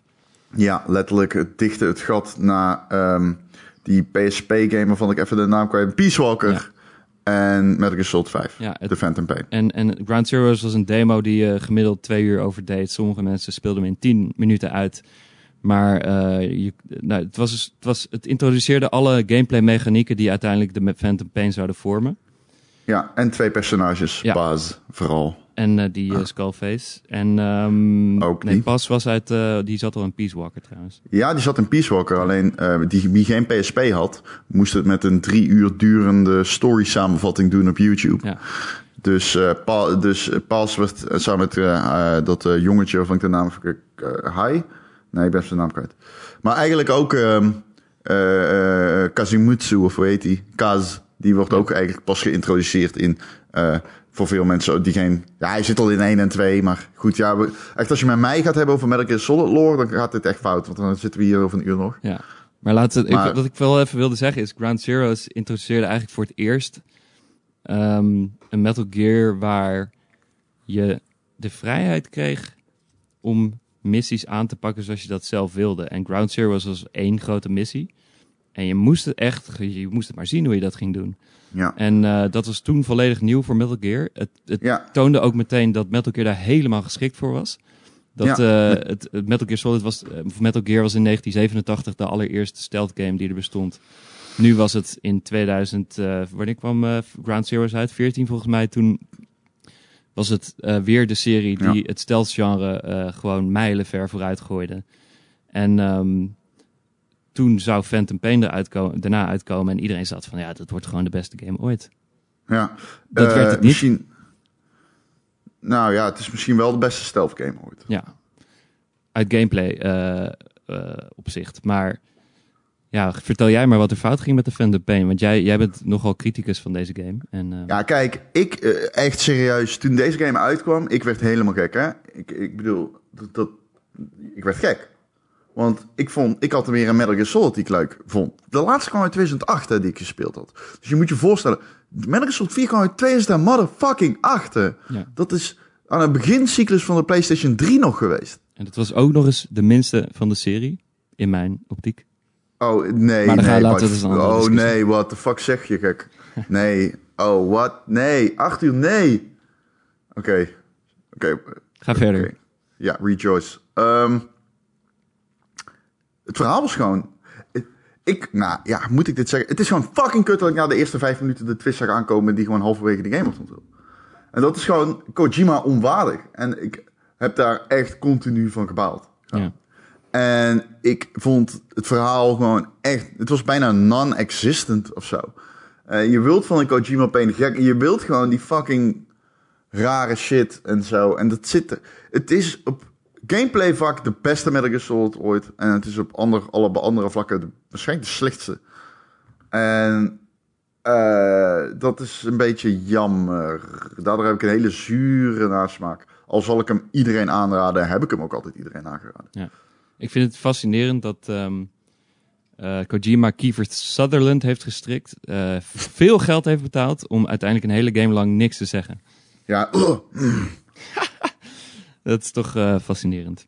ja. Maar eh, ja, Metal Gear Solid, het, het is de laatste Metal Gear Solid ooit van, eh, die we gaan zien van Kojima's hand. En zelfs ja. hij heeft hem niet eens helemaal afgemaakt. Het is, het is echt zo'n vreemde game die sowieso een plek verdient in deze top 100. Maar die Ja. heel veel kanttekeningen heeft. En ehm, daarom op 61 staat.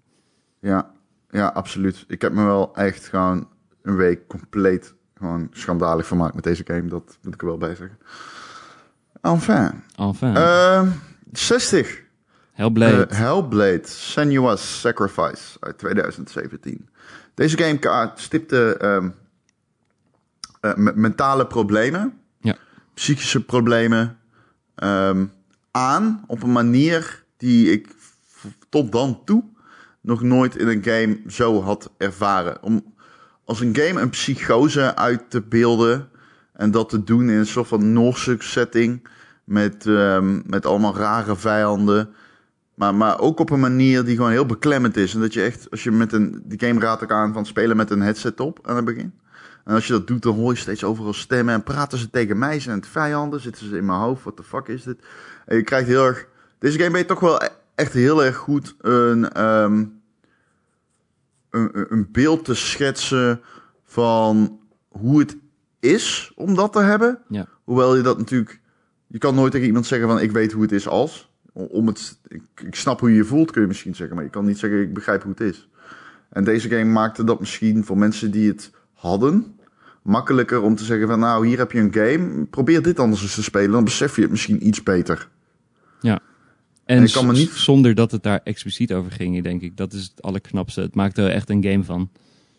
Ja, Met elementen die je alleen in games terugziet. Eh, de monsters en noem maar op. Eh, het, het is gewoon een kunststuk. dit is een, een goed... Als je het hebt over Gamify is dit waarschijnlijk eh, een heel goed beginpunt. Hey, we moeten misschien wel een beetje tempo erin zetten, want we zijn pas bij 59. En dat is, is. Seku- Sekiro. Sekiro. Sekiro. Shadows Die Sekiro. Twice. Ik speel hem nu, fantastische game. Ik vind het de beste van From Software. Ik denk dat iedereen die maar interesse heeft in From Software, die heeft deze game gespeeld. Dus ehm, ja, hoort erin toch? Hè? Zeker. Eh 58. Gone Home. Ik heb eh, een haat-liefdeverhouding met deze game. Dus eh, Same. zeg jij maar. Nee, ja, hetzelfde. Ik eh, weet toen die. Ik, ik, ben, ik was helemaal fan van Dear Esther toen die game uitkwam. Dat is in 2012. Ja. datzelfde jaar of het jaar daarna kwam ook de Stanley Parable uit. En dat waren eigenlijk de twee grondleggers van wat we nu, eh, wat wel eens gekscherend de Walking Simulator wordt genoemd. Gaan we het nog over hebben? Ja, eh, Gone Home deed hetzelfde, maar deed nog iets nieuws. En dat is een persoonlijk verhaal vertellen. eh, die eigenlijk, ja, ik noemde het eh, in een review voor Inside Gamer eh, een soort young adult fiction. En, en dat is, vond ik toen niet eens positief. Maar achteraf gezien denk ik wel van, ja, het durfde het wel gewoon dat te doen. Het is een game die je in eerste instantie op het verkeerde been zet, omdat het een soort van suggereert een horror game te zijn in een verlaten huis. Maar uiteindelijk wordt het een verhaal over familie, over liefde en ehm, heel klein verhaal, maar het raakt echt. En eh, aan het einde zit je met eh, open mond eh, na te sudderen van ehm, wat er is gebeurd. Het heel menselijk is. Dus er komen geen monsters aan te pas. Er komen geen eh, rare andere, echt typische game elementen aan te pas. En daarvoor verdient het alle lof. Nog één ding. eh, het is ook een game die de setting heel goed neerzet. Ja. De jaren 90 wordt echt goed eh, neergezet. Ja. Op 57, Outer Wilds. Ja, ik vind dit by far een van de beste adventure games die ik ooit in mijn leven heb gespeeld. Dit is de game die ik zou willen spelen, maar die ik niet heb gespeeld omdat ik geen Xbox heb. Eh, je kan hem ook op de PC spelen en op de PlayStation 4. Tja? Nee, ja, Outer Wilds Jawel. Oh, jawel. Het is gelaunched op PS4. Oké, ik, ga, ik, stop nu met, ik stop nu met deze podcast en ik ga hem kopen. Doei. Ja, oké, later. Eh, dan ga ik ondertussen even vertellen dat dit echt een... Deze game, eh, je gaat op avontuur uit en je ontdekt dingen en later snap je quantum fysica. Het is geweldig. Je moet dit spelen. Ik ga er ook niks anders over zeggen. Je moet dit gewoon echt gaan Het enige wat ik weet is dat die game juist niet, dat de game elke om de havenklap eh, eindigt het universum. Het is Groundhog Day. En je moet zelf maar zien hoe je dat eh, eventueel kan proberen te voorkomen. Ik wilde dat niet eens erbij zeggen. Nee, maar dat, Vind, staat, eh, dat staat in onze tekst. Dus, hè? Oké, fair enough. Oké. 56 is een game voor de creatievelingen. en, en vooral met name voor een creatieveling genaamd Michel Musters. Die blijkbaar, als ik zijn tekst las, eh, vroeger eh, op pen en papier maakte hij Mario levels. En eh, voor hem is deze game Super Mario Maker. Ja, ik denk dat dit inderdaad voor heel veel mensen die vroeger aan NES en SNES hebben gehad een droom is die uitkomt. Ja, zo simpel is het. Je kan gewoon Mario, le- Mario levels maken. Het is insane. En, en de mechanic dat je de, zelf het level moet uitspelen voordat je hem kan delen, dat is een, gewoon een, Ja. gouden greep, toch? Dat is hoe het moet werken. En Dat is hoe je moet. Ja, ik, daar ben ik wel vaak op stuk gegaan, dat kan ik je vertellen. 55 Inside. Dit is een game die, is, eh, die ademt acht uur van Vliet. Ja, deze had voor mij. Dit, staat in mijn top 10 van de jaren 10. Omdat het. Je kan gewoon letterlijk niks negatiefs aan deze game bedenken. Inside Nee. is een eh, platformer van Playdead. Die je kent van Limbo, die later nog in deze lijst terugkomt. En de game zet je constant op het verkeerde been. Eh, je bent een jongetje, je loopt door een, eh, een, een- echt een eh, nare wereld. Een soort, het lijkt wel een soort communistische fabriek. En dan bedenk je, hè, maar waarom probeert hij eigenlijk in te breken in die fabriek? Je wilt toch juist ontsnappen, want dat is de eerste gedachte. En daarna, hè, waarom ben ik opeens onder water met allemaal vreemde monsters? En dan op een gegeven moment, nou ja, heb, jij hebt gespeeld, hè? Dat einde, Ja, wat de hel. Ja, het is insane. Het is nog steeds niet verklaard. En, en later blijkt dat je de game ook nog eens kan uitspelen al binnen drie seconden of zo. Het is echt zo vreemd en het is zo mooi en het is het Zo einde vies. laat je, het is zo vies en het einde en het vind het heerlijke dat je aan het einde lig je daar opeens eh, verder zal ik niks zeggen maar en dat is het en de game laat Dat is het ook. de game ja. er komen geen credits helemaal niks je zit gewoon aan een scherm te staren en dat kan je zo lang doen als je wil en het allemaal op je laten inwerken en deze game is eh, totaal uniek Ja, dan gaan we door naar 54 Hitman. Deze game, stel je voor, je hebt een licentie als Hitman, wat doe je ermee? Nou, je gaat gewoon een soort van nieuw contentmodel uitvinden, seasonal. En je maakt Hitman weer relevant door gewoon echt de meest fucking vette eh, eh, ja, mechanics die ik misschien wel ooit in een game heb gezien toe te voegen. Deze game laat je zo lekker experimenteren. Het is zo leuk om deze game te spelen en zo'n level te klaren en zelf te kiezen hoe je iemand gaat omleggen. Hey, je hebt zoveel fucking verschillende methodes om dat te doen. Het is duizelingwekkend moeilijk om eh, überhaupt ze samen te vatten. Er zijn zo fucking veel mogelijkheden. Het is, hoe, het is eigenlijk de game die Hitman altijd al had moeten zijn, toch? Ja, dit is een game die je vroeger wilde, maar niet kon krijgen vanwege de limi- limieten die technisch opgelegd werden door het platform waarop je speelde. Ja. En Het is een droomgame. toch, oh, en wederom weer knap. Ik vind het echt knap dat sommige oude series toch weer gewoon nieuw leven krijgen. En uiteindelijk zelfs misschien wel de beste van de serie eh, eh, worden. Ja, Hitman. zeg veel over gaming als medium. ook. 2016. Ja. Eh, nummer 53, FTL, aka Faster Than Light uit 2012. Eh Arthur, gespeeld deze? Nee, tot mijn grote spijt. Oh, ik wel. Je managt een ruimteschipje. Het is een roguelike. Je, eh, je bouwt, je vliegt. Je bent vooral bezig met niet doodgaan. Ehm, het is een hoe simpel concept. Maar het is vooral een soort van een trance waar je in raakt. Het is een onvergeeflijk spel. Je moet ontzettend veel mi- micromanagen.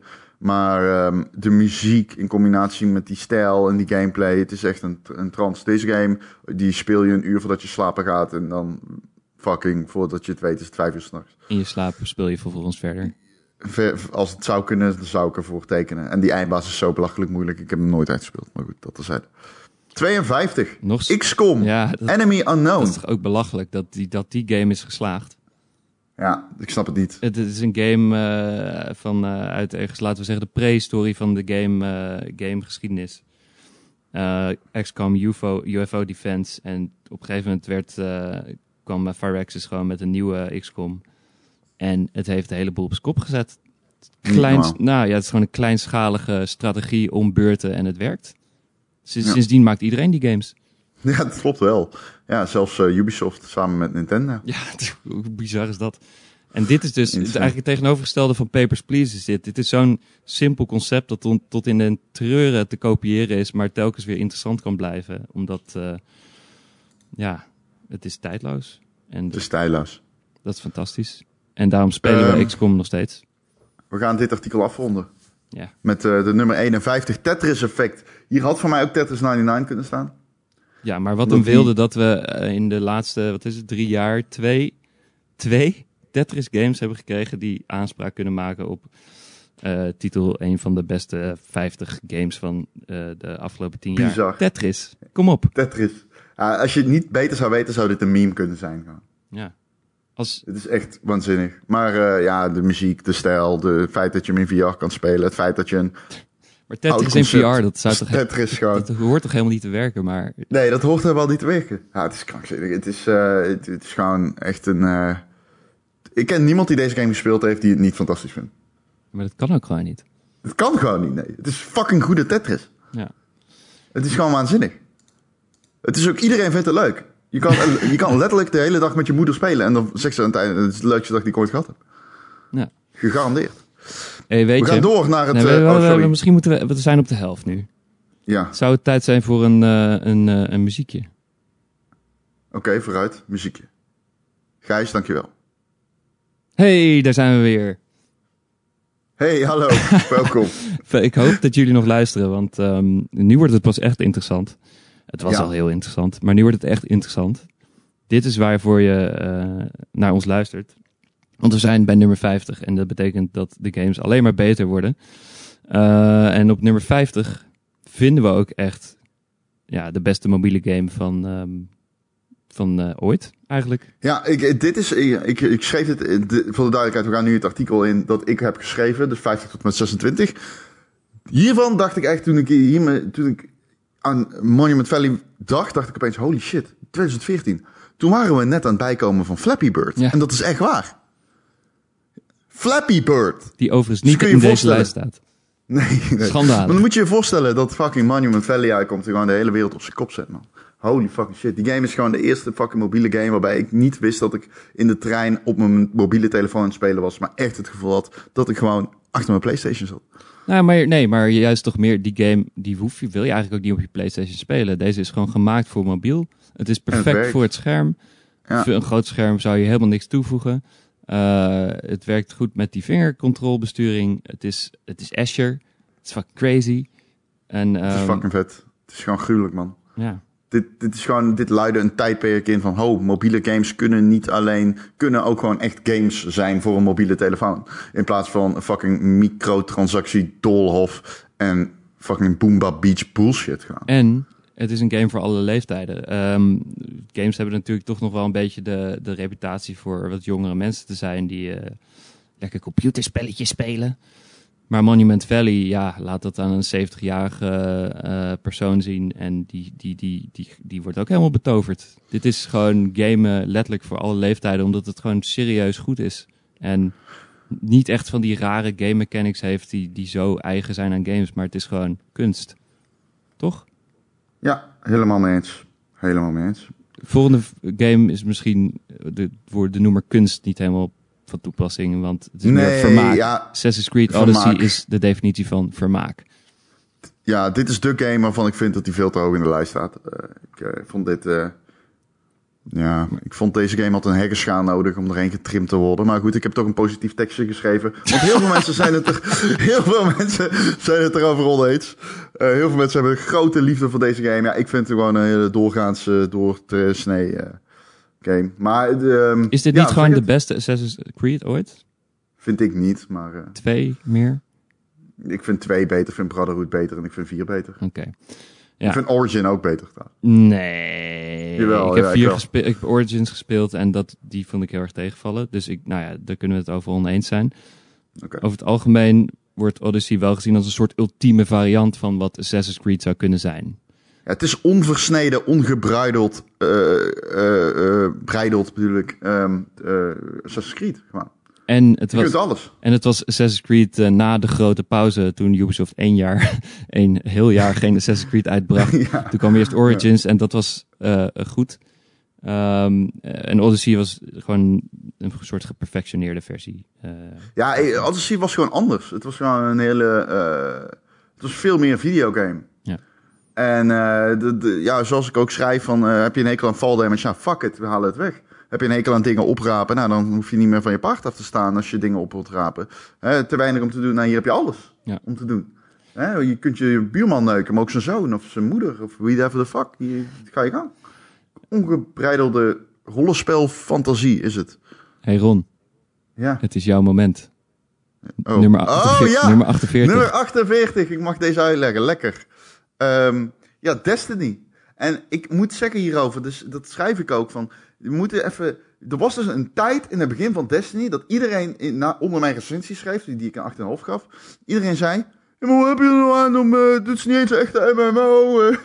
je kunt. je loopt steeds in dezelfde wereld rond. En je hebt maar twee vrienden die je mee kan nemen. Je komt niemand tegen. Maar ja, dat schrijf ik ook. Voor mensen die Guild Wars hadden gespeeld en Fantasy Star Online. Die wisten gewoon, als dit in de handen van Bungie een goede shooter kan zijn, is dit format gewoon goud. En dat bleek ook. Want in 2019 zijn nog steeds uitgevers op zoek naar hun Destiny. Die game wordt nog steeds gemaakt. Die heeft het hele genre ondersteboven gegooid. En natuurlijk, hè, Destiny, een Destiny maken is heel erg moeilijk. Het is zo moeilijk om een Destiny te maken dat het Bungie zelf niet in één keer allemaal goed gelukt is.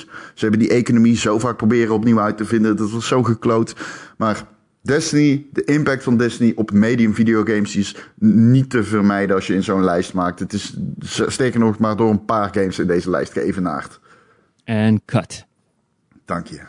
Nummer 47 is juist meer eh, mijn eh pakje aan. Ik, Stik. ik noemde hem al even. eh Dear Esther. Is misschien wel mijn favoriete game van de afgelopen tien jaar. En ik snap heel goed Oh. dat mensen dat niet snappen. Nee, ja. nou Dear ja, Esther, die ja. mensen werden boos om die game in 2012. Ehm, het, het, die game was niet eens nieuw toen. Het was al een mod voor Half-Life 2. eh, maar die werd op, eh, opnieuw gemaakt. En het kwam uit en had alles van een first-person shooter. Eh, het was first-person. Je kwam op een soort eiland en eh, het speelde als Half-Life. En toen bleek dat je geen guns had en dat je alleen maar kon wandelen. En dat eh, de game na anderhalf uur afgelopen was en je hebt geen schot gelost, geen puzzel opgelost, helemaal niks. Nee. Maar het deed voor het eerst. Dat het was de eerste game die je zei van. Ja, boeien, we gaan gewoon een verhaal vertellen. Ja. En het interactieve eraan was het feit dat jij zelf over dat eiland moest lopen. Je eigen nieuwsgierigheid eh, was eigenlijk een gameplay element. En je eigen eh, vermogen om met de flarde verhaal die je voorgelegd kreeg, ehm, eh, daar pap van te maken. Dat was de gameplay. En het ging uiteindelijk over een heel volwassen onderwerp, namelijk over een auto-ongeluk en een man die was zijn vrouw daarbij verloren. En ehm, die man, ja, je weet eigenlijk niet nou, nog steeds niet precies wat er nou is gebeurd. Heb jij hem gespeeld?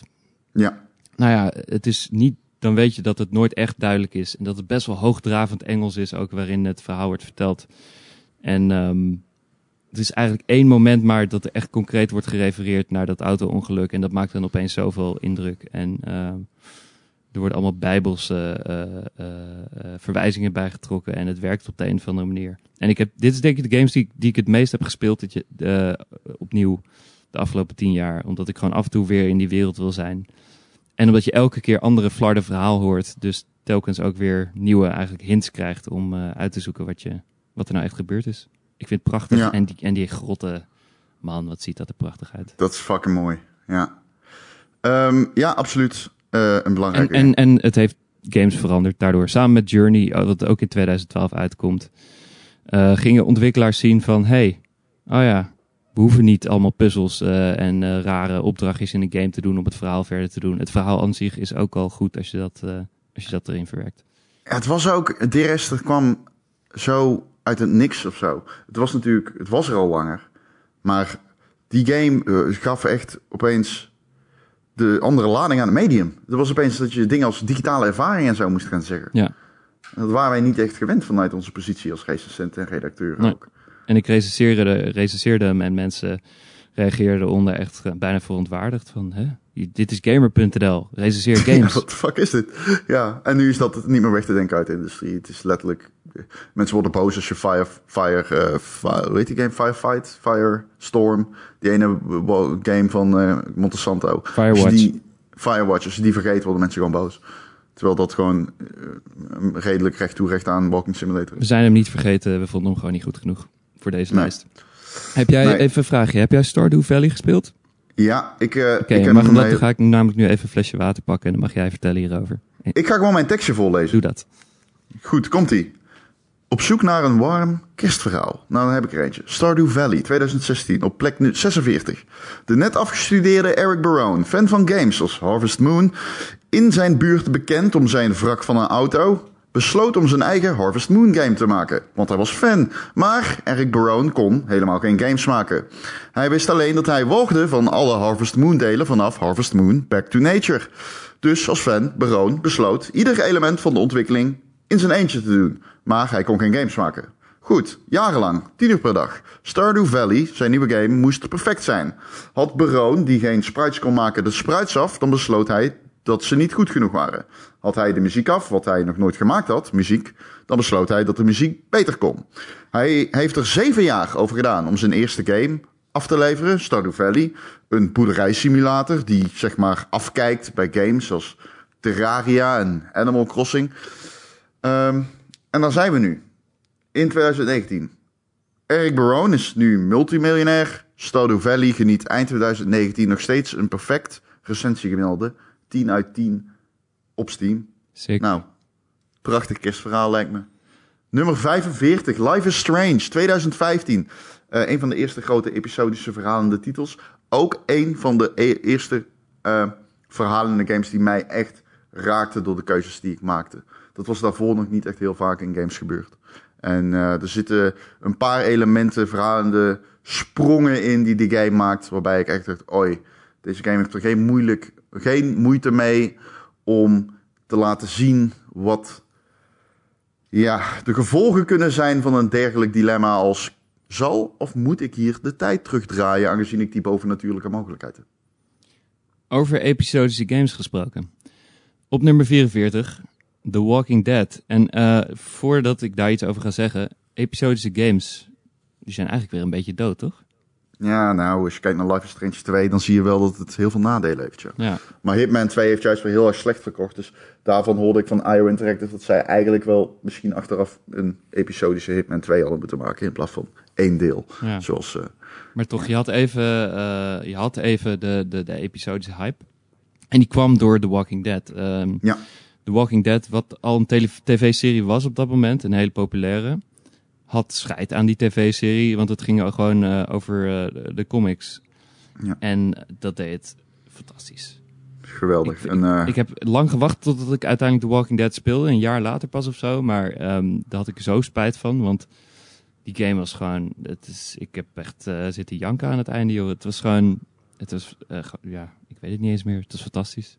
Clementine, ja, zullen we nooit vergeten. Nee, Super hot, 43, super, super hot. Super, Ehm, super die- hard. ja, die game man, fuck shit. Actiegame, verhalende game, puzzelgame, wat is het? Ik weet het niet, het is fantastisch. Een van, de, een van de weinige nieuwe concepten van de afgelopen jaren tien volledig op zichzelf kan staan. Ja, ja, ja. Een shooter waarbij de tijd beweegt alleen als jij beweegt. Dat is gewoon een- waardoor het een puzzelgame wordt. Ja, het is echt fantastisch. En eh, je kan hem ook nog eens in VR spelen als je de VR-versie koopt. Wat ik ook aanraad, want dan kun je dus met je hoofd de kogels ontwijken. En dan voel je je echt daadwerkelijk Neo uit de Matrix. Of die guy uit Equilibrium Ja. met zijn kunkaten. En de stijl is fucking cool. Yup. Eh, over eh, coole stijl gesproken, maar dan ook simplistisch, zoals in Superhot. Super Meat Boy. Toch wel een beetje de game die eigenlijk, ehm, de, voor mijn gevoel, een beetje die indie games gaan het anders doen craze heeft ingeluid of zo. Samen met misschien games als Dear Esther, maar die kwamen iets later. Super Meat Boy was echt zeg maar gewoon, ja, we maken een platform game. Samen met, Ja, oké. met Spelunky en zo, toch? Die Ja, anime. maar ook zo'n game die zeg maar, ja, maar ook eh, de, de, de, met ehm, eh, die game van Jonathan Blow. Braid. Braid en ehm Fez. Die kwam wel veel later. Alleen, dat waren games. En Super Meat Boy was de eerste daarvan. Die gewoon echt, zeg maar, zei van... Ja, die zet een beetje de voet tussen de deur. Hè? Die zei van, ja, oké, jullie hebben allemaal Halo en Gears of War en Call of Duty. Maar wij hebben gewoon een platform. En hij is heel moeilijk. En hij doet denken aan vroeger. En het was gewoon een belachelijk grote hit. Het was een soort van aardschok die een tsunami aan indie-platforms teweegbracht. En ervoor zorgt dat we anno 2019 praten over het woord vleesjongetje. Ja, vleesjongetje, de Meat Boy. ja, ik ben echt blij dat ik dat in mijn tekst kwijt kon. Vleesjongetje.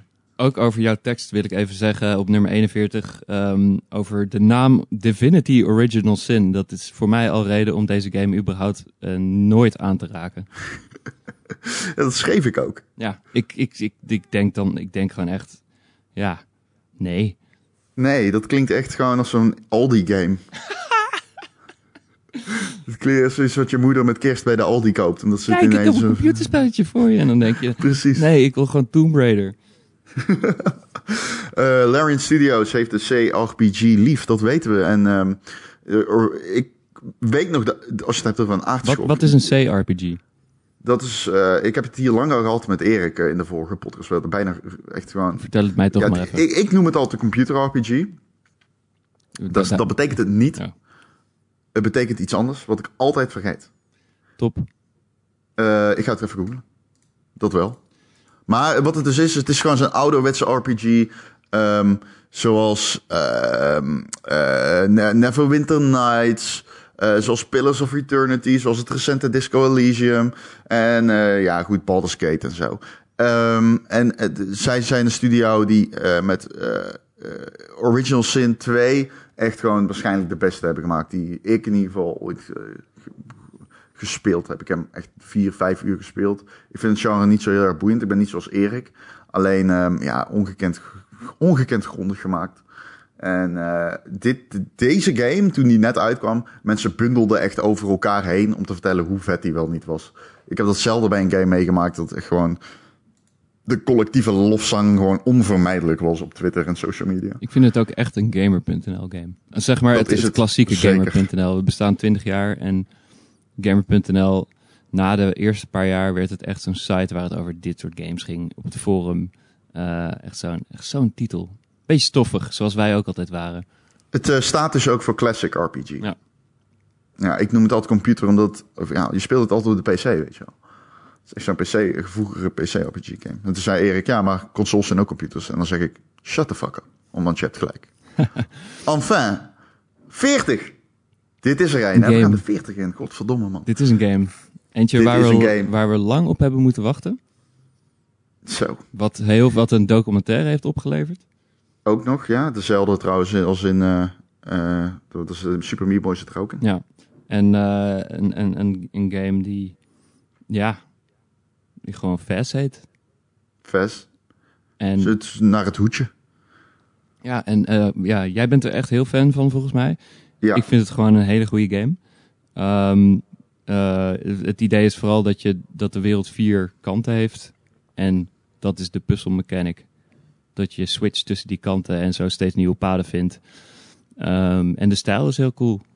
Ja, en eh, zeg nu heel oneerbiedig, even snel. Nou, wat je ook nog even erbij moet zeggen is dat de eh, geheimen, in, er is nooit, er zijn, die, weet je dat je die game in 3D kan spelen? Nee, dat wist ik niet. Ja, dat is dus, Echt? ja. En dat, is, dat, is, dat, dat zit in de game gewoon. Dat is geen cheat of een mod of zo. Nou ja, als je die game helemaal uitspreekt, kom je erachter. Ja, Dan- ik heb, ik, ja, die ik game kent zoveel lagen, dat is niet normaal. Ehm, ik ga gewoon vet spelen als je hem nooit gespeeld hebt. Ik denk echt dat die 5 euro kost. Het is een van de beste games die ik ooit gespeeld heb. Ja, en speel hem dus vooral uit. niet zoals ik tot drie kwart komen en daarna weer iets anders gaan spelen. Ja, nou ja, goed. eh, uitspelen is in dit geval eh, onmogelijk, aangezien die game zo moeilijk wordt dat het bijna niet meer kan. Dan moet je echt dingen gaan oplossen en dan moet je naar de fora toe. En dan kom je er inderdaad achter dat je een gedeelte in 3D kan zien, en et cetera. Een game die niet zo moeilijk te begrijpen is, is Doom op 39. En eh, wie, eh, als, als iemand ehm, tien jaar geleden had gezegd dat eh, een versie van Doom op 39 in de lijst van de 100 beste games zou staan, hadden denk ik wel een paar mensen gezegd van Doom is toch dood. Maar Doom Ja. is niet dood, want Bethesda ehm, kocht de Doom-licentie en maakte er iets fantastisch van. Door Ja. vooral heel erg simpel te kiezen voor, ja, Doom is Doom en meer hoeft het ook niet te zijn. Ik heb die soundtrack ook zoveel geluisterd in 2019. Dat die een van mijn meest geluisterde albums van de afgelopen tien jaar is. Dus toen ik Spotify opzette, omdat, eh, en dan, krijg je dat lijstje. En dan gaan ze zo van, dit, dit, dit vond jij een tof nummer. En dan laten ze een gedeelte van het nummer horen. En een van de meest geluisterde nummers is I Dogma. En dat is gewoon die Doom voice die zo voorleest. And with boiling blood he scoured the Umbral plains. Zo'n fucking metal. En dat kwam echt zo door mijn speakers geknald op werk. En iedereen keek me echt zo aan, what the fuck dude. Zit bij Omroep Brabant. Ja, dit was eh, bij Omroep Brabant.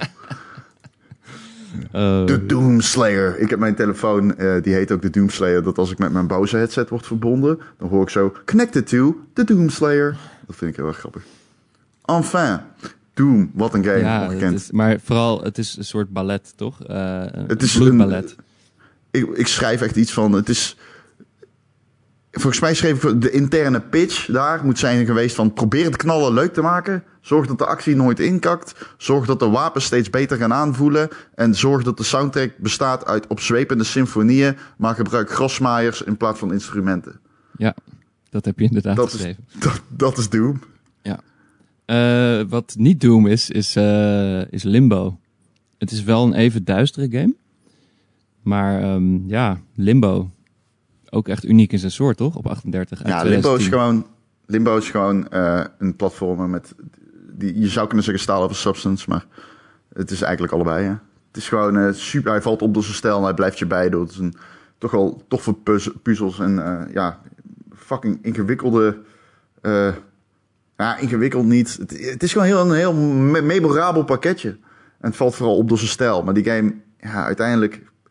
Het is gewoon akelig ook op een manier die echt onder je huid gaat zitten en zo. Het is, Ja, wat, wat is dat wat, dat wat die ontwikkelaar heeft iets? Die, die snappen hoe dat werkt of zo. Ehm, hoe ze inderdaad onder je huid kunnen gaan zitten. Hoe ze je een naar gevoel kunnen geven. En dat komt bij Limbo al heel snel doordat je echt dingen uit de hoeken ziet, ziet komen waarvan je denkt, huh?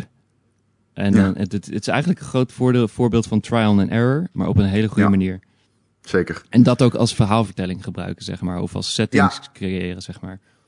Dat is een belangrijk punt nog, inderdaad. Zeker, absoluut. Ehm 37, Spec Ops The Line uit 2012. Je hebt veel actiegames die toen uitkwamen, third-person actieschietspellen. Deze game kreeg echt 7's en 8'en. En dit is het eh, bewijs dat recensenten er soms gewoon compleet naast kunnen zitten. Ik heb deze game nooit gerecenseerd. God, thank, thank God. Want misschien had ik hem ook wel een 7 gegeven. Ik heb geen idee. Maar deze game wordt op dit moment echt gezien als gewoon een van de weinige games die in aanmerking had kunnen komen voor een Oscar. En eh, ik kan niet echt helemaal uitleggen waarom dat is. Maar er zitten een paar Subversief twists. noemen we dat dan.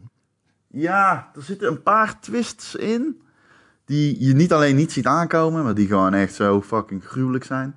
En de manier hoe die game met oorlog omgaat is heel anders dan je van games gewend bent. En dat is heel ironisch voor een game die begint met een scène waarin je door Dubai vliegt en vanuit een helikopter op een andere helikopter knalt.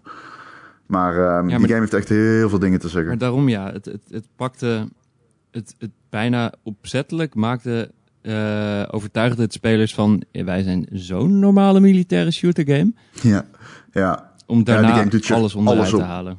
ja, die game doet er echt alles aan om je op het foute been te zetten. Ja, Ook die naam, Spec Ops The Line. ja, het is de saaiste naam ooit. En, Het is echt een kutnaam gewoon. Het had echt iedere kutte naam ooit kunnen zijn. maar daardoor is die hele game eigenlijk één grote performance die eh, waar je aan moet eh, overgeven en uiteindelijk snap je het.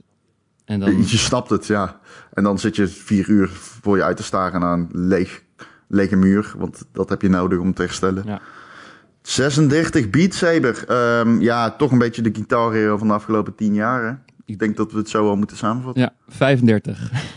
Eh, Red, Dead, Redemption. En daar was ook nog wel enige twijfel over. Want we hadden Red Dead Redemption afgelopen tien jaar. En we hadden Red Dead Redemption 2 vorig jaar. Welke is beter? Daar zullen de meningen heel erg over eh, verdeeld zijn. Eh, wat vind jij? Ik vind twee beter, maar één ook zeer geweldig. Ja. Ik vind waarschijnlijk de personages in één beter, maar het zijn dezelfde personages. Dus ja. Het zieke is dat Rockstar natuurlijk heel erg bekend stond om lollige shit. Ze hadden GTA natuurlijk, ze hadden Bully. En dan komen ze opeens met eh, Red Dead Redemption. En Ja. dan wordt dat een soort GTA in het Wilde Westen genoemd. Maar dat doet zo geen eer aan wat het uiteindelijk is. Nee man, die game leerde je ook omgaan. De die game ging ook over dingen als industrialisatie en wat voor impact dat had op het Westen. En eh, wat dat voor impact had op boerengezinnen en zo. Fuck man, dat einde. Christus, ik ga echt huilen gewoon. Ehm, Ja. 34? Ja, ja. We gaan gewoon door. Ja. Ehm, De, een derde persoons actiegame met robotdinosaurussen van de maker van Killzone. ja, de game Die waarvan pas- ik had, nooit had verwacht dat Guerrilla hem zou kunnen maken. Ik vond Guerrilla altijd een ontwikkelaar die hele mooie, maar hele lege games maakte. Ja, En ehm, toen we voor het eerst Horizon Zero Dawn zagen, ergens halverwege decennium, ik was meteen om. En ik denk iedereen. En ehm, het was eigenlijk alles wat, wat Killzone niet was. Killzone was de, dat zag eruit als een, als een eh, vuilniszak. En eh, Horizon Zero Dawn was elke kleur van het kleurenpalet ooit kwam langs. Een vrouw in de hoofdrol. Eh, je zag een soort liefde van, eh, voor die wereld ook meteen al. En het is uiteindelijk gewoon een hele goede, niet bijster vernieuwende, maar gewoon een hele goede open wereld game. ja, die wel pas op twee derde van de game echt, eh, vond ik, echt goed werd. Ja. Vond ik. Maar goed. Eh 33, een game Maar, die ik... oh, is, oh. is dit de beste Nederlandse game ooit gemaakt? nee, het is niet beter dan Jazz Jackrabbit. Oké, daar kan ik me in vinden. Oké. Eh 33, dit is gewoon... eh, dit staat in mijn top 3, denk ik. Ja, ik snap het wel. Ja, Rocket League. Ik, eh, ik vind dit... eh, ik vind... Ik, ik, vind, ik vind dit echt geweldig. Weet je nog wat ik zei over, ehm, over Dota en hoe, over hoe je zo niet kan voorspellen wat voor games populair worden en welke niet? Ja. Rocket League is er denk ik het grootste voorbeeld van. ja, ik denk dat voetballen met auto's wel de lading dekt, Stel je voor dat je ergens bij een bedrijf komt pitchen. Yo, we maken een voetbalgame, maar hier is de twist. Het is met auto's. Ja, ja, ja. Dan zeg je niet als executive daar van... hé hey man, goed idee, daar gaan we de wereld mee veroveren. Maar Ja. twee jaar later is het de meest gespeelde game op aarde ongeveer. En ehm, ja, Ja, het is gewoon perfect. Dit is de meest perfecte game die ik ooit gespeeld heb. Ik speel het nog steeds, bijna iedere week. En het is bijna iedere week dat ik zeg... God damn, wat is game fucking ziek. ja. Maar voor, ik denk is- vooral ook, het, het is zo eh, organisch of zo. Van, kijk, waar FIFA nog wel eens gescript of zo kan voelen. En, Oh man, en, het is- en elke aanval ja. toch een beetje... Je hebt zeg maar iets van 150 verschillende type manieren om te scoren of zo. Is bij Rocket League elke goal weer anders. Het is gewoon easy to learn, hard to master. Tot in de krochten van iedere designfilosofie die je ooit met, met iemand ooit op die game heeft losgelaten. Gewoon. Ja. En dat is eh, Ongekend goed. inderdaad... Pardon. Dat maakt niet uit, want we gaan naar een echt fikse boerenlul, Nathan Drake. op 32, Uncharted 4, het Thieves End. Eh, ik weet je wat ik met deze game heb? Ja, ik denk hetzelfde als ik, maar ga verder. Nee, nee, eh, ja, oké. Wat? Nee, zeg het maar. Wat denk, Nou jij, ja, wat denk jij dat ik met deze game heb? Het is gewoon als een film bij mij. Nou, dit heb ik niet met deze game. Wat ik met deze game heb, is dat ik hem gewoon eigenlijk af en toe de behoefte voel om hem gewoon weer op te starten. Om in de werelden te zijn die in die game zitten. Oké. Het is, eh, de, eh, denk ik, de mooi, na The Order 1886 is dit de mooiste console game geweest voor lange tijd. De eh, het is natuurlijk Naughty Dog, die sowieso gewoon fantastisch is. Maar die, ehm, Ja. ja, dat pirateneiland zo wist te schetsen. Ik wil daar, ja, ik wil daar gewoon zijn. Ik wil mee met Nathan Drake. Ik wil dat hij zijn broer wil ik doodmaken, zodat ik met Nathan Drake op pad kan. Ja. ja, ik ook. Ik wil zijn broer ook doodmaken, maar dat heeft daar niks mee te maken. En wat, maar goed, dat is niet wat Uncharted 4 zo bijzonder maakte. Wat Uncharted 4 vooral deed, is dat je merkte dat die game na The Last of Us kwam.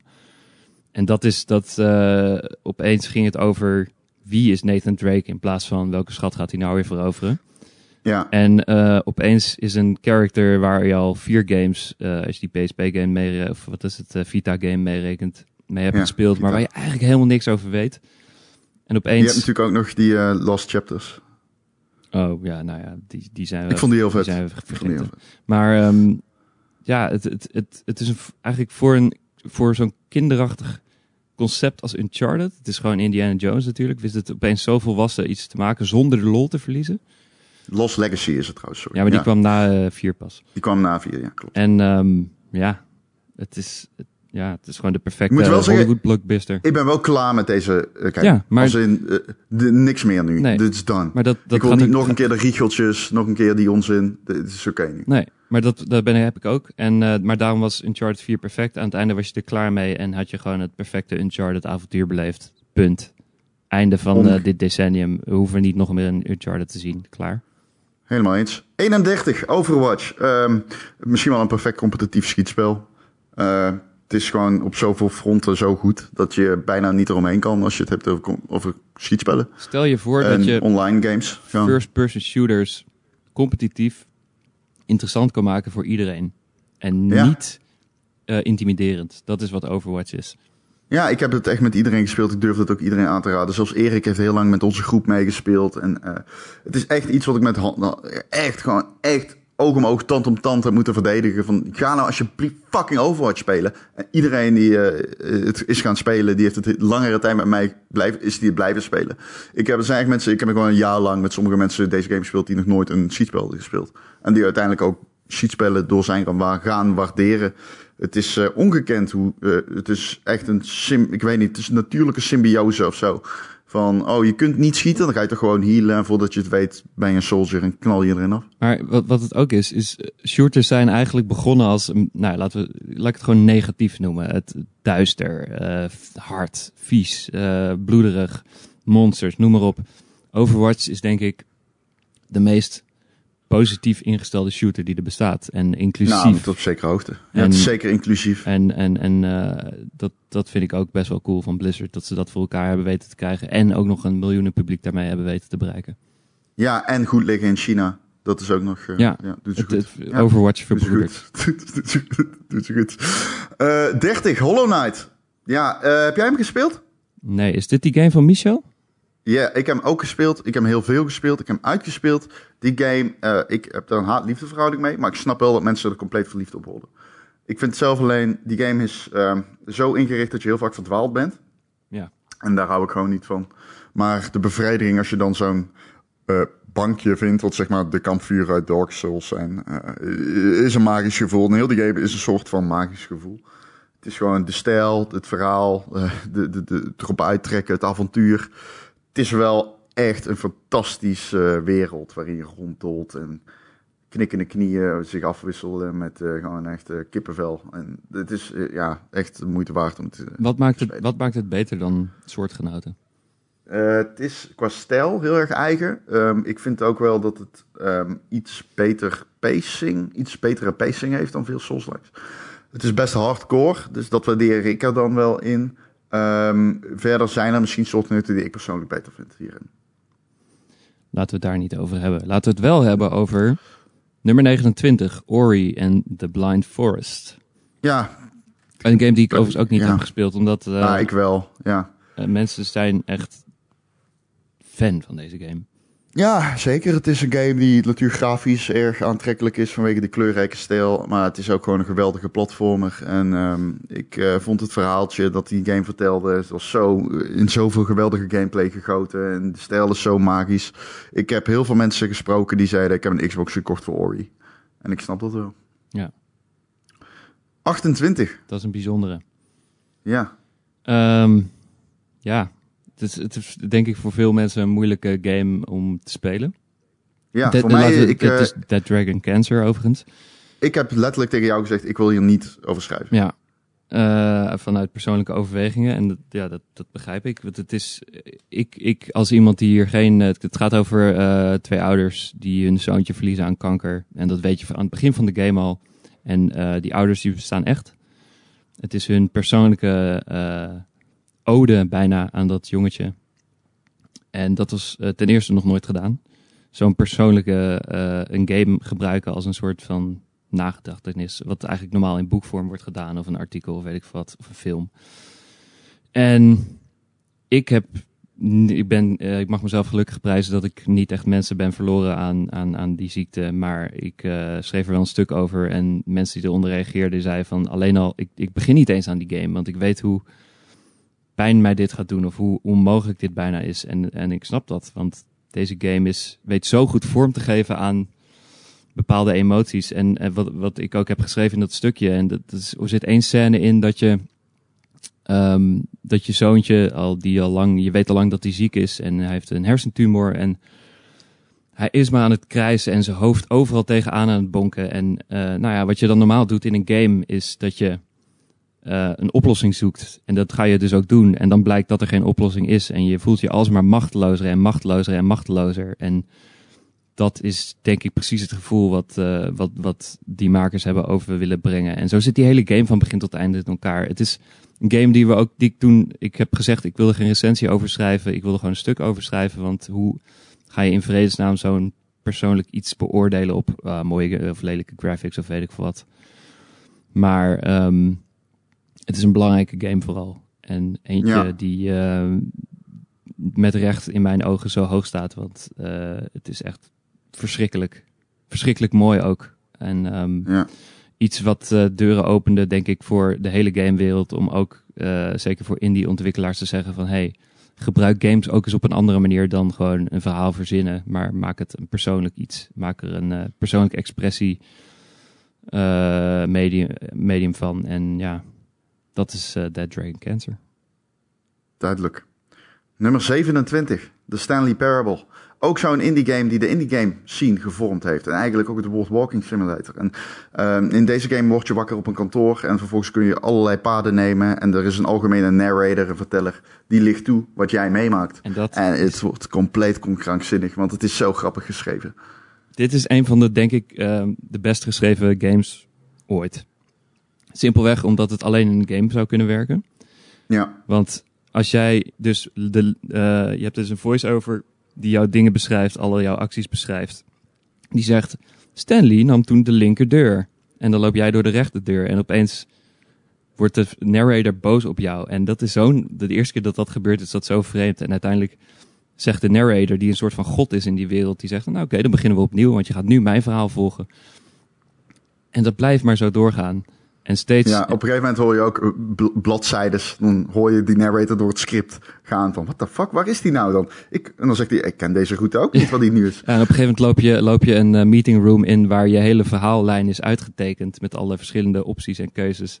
En die, neemt, die game speelt zo erg met, met jou als speler. En uh, constant ligt een soort van de vraag van... bij wie ligt de macht nou? En wat is, wat is keuzevrijheid in een game? En daarmee zet het gewoon het hele idee van computerspellen op zijn kop en analyseerde dat, terwijl het zonder dat het wetenschappelijk was. Het was gewoon hartstikke leuk en grappig om te spelen. Ja. En uh, okay. ja, dat is de Stanley Parable. Op 26, What Remains of Edith Finch uit 2017. Ook echt een indie, indie, indie-ass indie game. Maar... Indie, indie, indie, indie. Ik, had, ik denk dat ik hier kort over kan zijn door te zeggen, dit is de beste walking simulator. Als in, ja, ik denk het ook. Dit is, ja. Dear Esther begon ermee en dit is uh, de game die het soort van afmaakte van dit is hoe je een verhaal moet vertellen. Uh, met ook nog wat echte traditionele gameplay elementen erin, maar uiteindelijk toch gewoon uh, vooral een verhalende game die zich in één huis afspeelt. Ja. Ja, wat ik daar nog aan toe wil voegen, het is ongekend bond. Hè? Iedere verhaallijn in dat, want je gaat je familieledens doodsoorzaak herbeleven. En die verhalen zijn gekoppeld aan een zeer unieke mechanic keer na keer na keer. Dus eigenlijk lost het steeds dezelfde belofte in door jou een nieuw verhaal voor te uh, schotelen. Zonder dat je weet waar het qua gameplay heen gaat. En het gaat alle kanten op. En dat maakt het ontzettend leuk om het te blijven spelen. Ja, en de ene keer ben je, en, en het benut ook weer de kracht van het medium door, de ene keer ben je een monster uit de fantasie van het jongste dochtertje wat op haar zesde of zo is overleden. En de volgende moment ben je een gast die in een, uh, in een visfabriek werkt. Maar tegelijkertijd ja. zit de dagdromen en je ziet het gewoon bijna fout gaan. Omdat je tegelijkertijd dingen aan het doen bent met een scherp mes. Terwijl je aan de andere kant een game aan het spelen bent in je hoofd. Ja. Het is echt uh, ja, fenomenaal. Ja. Dan gaan we naar het volgende artikel. Top. Dat van jou. De top 25, geschreven door... Ja, we, we hebben nog een half uurtje, begrijp ik. Dus eh Ja. moeten we hem even doorheen jassen. Eh, op 25 staat een game waar ik keer na keer na keer aan begonnen ben, maar nooit heb uitgespeeld. Undertale. Precies hetzelfde voor mij. Het is een game. eh, wij gaven hem ook maar een 7,5, weet ik. Eh, en dat is. wij waren daarmee een van de laatste op aarde. Want ehm, ja, wij begrepen hem niet blijkbaar. Het was Thijs, geloof ik, die dat had geschreven. Maar ehm, die game heeft zich wel bewezen door de jaren heen. Het is de lelijkste game op deze lijst. Ja. Eh, het ziet er echt uit als een vroege Nintendo eh, game uit de jaren 80. Maar het zette alles wat de JRPG's deden en andere games deden totaal op zijn kop. En dat ehm, is te prijzen, denk ik. Dat lijkt me ook. Ja. Op 24 vinden we Dark Souls, de allereerste. Eh, ja, het- ik bedoel, ja, daar hoef je het eigenlijk ook niet over te hebben. Zo komen er wel. Ja, maar ja, zo simpel is het gewoon. Iedereen kent Dark Souls. Iedereen weet wat het voor gaming betekend heeft. Voor gaming betekend heeft. Deze game kwam uit het niks. Hè, van de Armored Core ontwikkelaar. En From Software opende inderdaad een deur voor andere ontwikkelaars. Gewoon van, hè, fuck, dit is gewoon een... Je mag maken... Moeilijk is geen... het- Je mag de moeite nemen om iets moeilijk te maken. Ja. ja, je hoeft niet toegankelijk te zijn. Je moet, en juist in de moeilijkheidsgraad zitten. Oké, dat klinkt heel dom. Ehm, maar dat elke vijand ook echt een vijand is. En daardoor, het, ik denk wat Dark Souls het beste deed, is dat waar je in heel, eigenlijk 90% van de games ben je eh gedachteloos dingen aan het doen. Zoals eh, zeker in het begin een paar vijandjes afmaken waarvan je toch al weet, die zijn geen gevaar. En Dark Souls zorgde ervoor dat gamen niet werk was, maar alles was een puzzel, weet je. Elke, de eerste, Ja. eerste vijand die je tegenkwam, kon jou gewoon keihard neuken al meteen. Ja, En eh, zo ging het de hele game door. ja. Ja. En, doen, en de manier van verhaal vertellen was... eh, dat, Zeker. dat doen steeds meer games nu. Control nu bijvoorbeeld eh, is zo'n voorbeeld. En ehm, Ja, Control vind ik nog vrij letterlijk vergeleken met eh, Dark Souls en Bloodborne. ja, oké, maar met het idee van dat je echt moeite moet doen om het verhaal zich te laten ontvouwen, zeg maar. Het is afhankelijk van hoeveel moeite jij in de game stopt, hoeveel je meekrijgt van het verhaal. In tegenstelling tot een Uncharted bijvoorbeeld. Nee, ja, het, eh, ook met environmental storytelling en zo. Het deed gewoon heel veel. Ja. Eh, 23, Hotline Miami. De game met de, in mijn optiek de mooiste soundtrack in deze hele lijst. Ja, Ik, eh, ik, ik, heb die soundtrack echt eh, zoveel geluisterd. ja, iedereen volgens mij, man. Echt, die game... Maar die game was gewoon stijl, van top tot teen. Ja. Hotline Miami deed iets. Het eh, deed iets wat nog nooit gedaan was. En dat is ongelooflijk bloederig zijn. Met ongelooflijk veel stijl. En, en, en, en dat schrijf ik ook. Het, is, het voelde voor mij gewoon heel erg als een soort van ritme game ook. Eh, die toevallig eh, een, een bloedige top-down shooter dan was. Maar elk level was een uitdaging waar je 15 tot 20 keer deed over de perfecte ritme vinden. Eh, om elke kamer als een soort eh, balletdanser te doorkruisen en met een bloedspoor achter je aan te laten. En dat is tof. Eh, op 22 vinden we Player Unknown's Battlegrounds, PUBG uit 2017. Daar waar het begon. Daar waar de Battle Royale trein ging rijden. En uiteindelijk de afslag Fortnite nam. Ja, Maar ehm, dit, kijk, er zijn voorgangers. Dit is niet de eerste Battle Royale game, maar het is de eerste Battle Royale game die, eh, mede op Steam natuurlijk, eh, groteske vormen aannam. En ehm, ja, het is een, een, een simpel concept natuurlijk. 100 man op een map en dan wie het laatst lag, die eh, heeft gewonnen. Of wie wint, die lag het laatst. maar, maar, het maar juist, juist die, die, die eenvoud is toch wat, wat eh, ten eerste Battle Royale, maar en, en, en in dit nu specifiek PUBG zo'n succes maakte. Ja, het is conceptueel Het perfect. is oneindig te reproduceren in iedere game, zoals Ja. we uiteindelijk ook zouden zien. Call of Duty ging het doen, eh, Fortnite speelt iedereen nu. Maar ehm, het is ook zo'n beetje zoiets van, waarom heeft niemand eerder dit bedacht? Nee, ja, precies. Het gebeurt niet vaak dat er een nieuw genre wordt uitgevonden binnen games. Nee. Maar eh, ja, CC. Ja, en eh, het, het ik vind het ook knap, die game wordt nog steeds gespeeld, ook al is Fortnite veel populairder. En dat zegt ook al wat. Ja, het, is een heel, het heeft eigen elan. Eh, over eigen elan gesproken, Oh. nummer 21. Ja, deze, is, eh, deze, deze staat in mijn top 3, denk ik ook. The Witness. Ja, wij zijn- wij- staat hij wel op 1, Wij zijn denk het ik. hier echt helemaal over eens. The Witness Ja, is, ik- is echt een van de beste games ooit gemaakt, in mijn ogen. Ja. ja, mijn ook. Omdat er gewoon niks op aan te merken is. Dit is eh, een... bij- ja, dit kun je met iedereen spelen. En iedereen gaat hetzelfde zeggen. Holy fuck, is dit serieus? De eerste half uur zullen mensen misschien nog zeggen, de non-believers van, what the fuck, waar heb je het over? Weet je, je- ik loop over een eiland, cool. Eh, ik zit alleen maar lijntjespuzzels te doen, die helemaal niks met de omgeving te maken hebben. En op een gegeven moment valt het kwartje. En dan eh, valt alles op zijn plek en ga je ook alles, Ja. dat hele eerste half uur ga je heel anders zien. En op een gegeven moment ga je naar, anders naar de wereld kijken. En voor je het weet heeft die wereld zich helemaal eigen gemaakt van je perceptie van de wereld om je heen ook überhaupt. Die game neem je mee voor de rest van je leven. En in de periode dat je hem speelt, iedere keer als je met naar buiten stapt, zie jij overal de witness. Het is best grandioos die game dat voor elkaar krijgt. Ik denk dat, het nog, ik denk dat er geen game is geweest die, eh, waarbij het zo is gelukt om eh, van de maker om eh, de spelers mee te nemen in jouw denkproces als maker, zeg maar. In jouw manier van naar de wereld kijken. En dat is, dat is magisch. Het is een ongekend, perfect, prachtig Ja. entertainment product. Ja, en eerst werd het nog een soort van, hey, het is de nieuwe mist genoemd, maar het is zoveel beter dan dat. Het is fucking, de, de En ik is hou, niet ik hou, dezelfde ik, ik ballpark. hou echt van Mist. Maar The Witness is gewoon echt eh another level. Het enige, enige waar je misschien iets van zou kunnen zeggen is, eh, of waarop mensen zouden kunnen afhaken is, het heeft niet echt een verhaal of zo. Als in, Nee. maar, daar, maar als je eenmaal erin zit, dan boeit het ook niet meer. En het vertelt je ook zoveel over jezelf. En leert je, je gaat echt dingen leren en zo. Het is eh, heel knap. Het echt- Deze game moet je gespeeld Het hebben. is echt universiteitsgamen dit. Het is, het is gewoon eh, hier verdien, ja, hier eh, prijzen. Ja, het Verdient is de prijzen. enige game waarvan... Dit is de game waarvan ik na de hand dacht dat...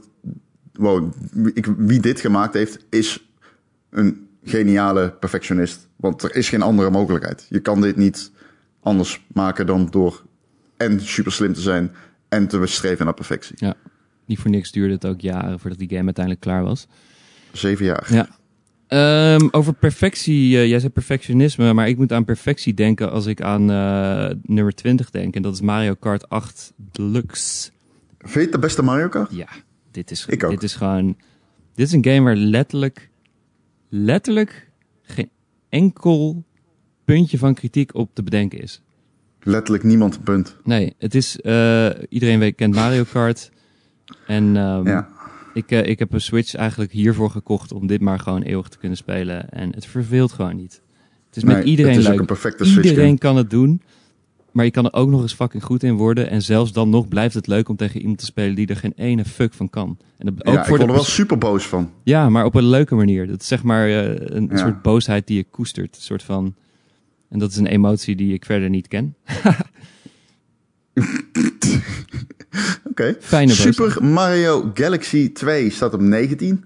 Eh, ook daarvan kun je eigenlijk bijna precies hetzelfde zeggen. Eh, in die zin dat het dat, dat als het nu op de Switch zou komen, dat ik tegen iedereen zou zeggen, dan kun je een Switch verkopen. Ja. Dit is ook de Ehm, enige, dit is de enige Wii-game eh, volgens mij op de, in deze hele lijst. Oh, oké. Ja, noem Oh, eens één andere. Ja. Hm. Eh, Nee. De Wii, al lang vergeten, want eh, die console, ja, die speelde je voor die casual games. Maar ja. er waren een maar het komt paar. ook door de Wii U natuurlijk. En de. Wii U kwam tussendoor nog even, waar die is iedereen al helemaal vergeten. Ja, precies. En, eh, maar Super Mario Galaxy 2 is, is het toppunt van een console die eigenlijk vooral voor gezinnetjes was bedoeld, maar gewoon een game voor iedereen was. Dus ook voor de mensen die al alle Mario's sinds eh, de jaren 80 hebben gespeeld. En dan bijna de perfecte vorm. We hebben hem Ja. een 10 gegeven. Ja, en ja, er zal niemand over eh strijden. Hoe goed is, hoe- maar hoe goed is dat concept met die planeten, weet je? Dat, is, dat werkte in één en dat werkt nog steeds in twee en het werd gewoon beter. Ja, het is gewoon een... eh, dat je mechanics op die manier kunt afwisselen is gewoon briljant. Ja, en we gaan het zo over nog meer Mario hebben, dus dan komen we nog op terug. Maar ehm, gewoon een topgame in ieder geval. Wat niet zozeer per se een topgame is, maar wel een game met... En daar hadden we het in het begin al even over. Een game die zo'n impact heeft gehad, is Pokémon Go. Op nummer 18. Ik heb op ik ben op plekken geweest waar ik woonde toen in Tilburg. Op plekken geweest waar ik nog nooit in mijn leven ooit geweest was vanwege een videogame. Ik zat op een gegeven moment gewoon echt op begraafplekken en zo naar Pokémon te hunten. Sloeg nergens op. Ik zag mensen in treintjes uit de Albert Heijn komen, Pokémon Go spelend. Ik had dat nog nooit meegemaakt met een game. Dat gewoon de hele wereld obsessief een game aan het spelen was. En je kon het buiten zien als je door je raam keek. Zouden er liefdes zijn ontstaan door Pokémon Go omdat men de straat op moest en bij elkaar eh, kwam omdat 100 daar... procent. Ja. Shout-out. 100 procent. Als jullie, 100 als jij een, als jij een koppel bent eh, die iemand heeft eh, ontmoet via Pokémon Go, laat het ons weten in de En reacties. stuur je hieronder. nummer. Ja. Ja, zeker. Stuur je nummer. Ja. Oké, nu een game die wel, eh, die, eh, want Pokémon Go was een fenomeen. Eh, Ja. Celeste was het absoluut niet. Nee. Celeste is de, schreef ik, de meest onwaarschijnlijke game van het jaar die wij ooit hebben uitgedeeld, denk ik. Ja. Een eh, 16-bit eh, looking platformer die je in vijf uurtjes of zo hebt uitgespeeld. Maar ehm, ja, de, de boodschap van die game is zo prachtig.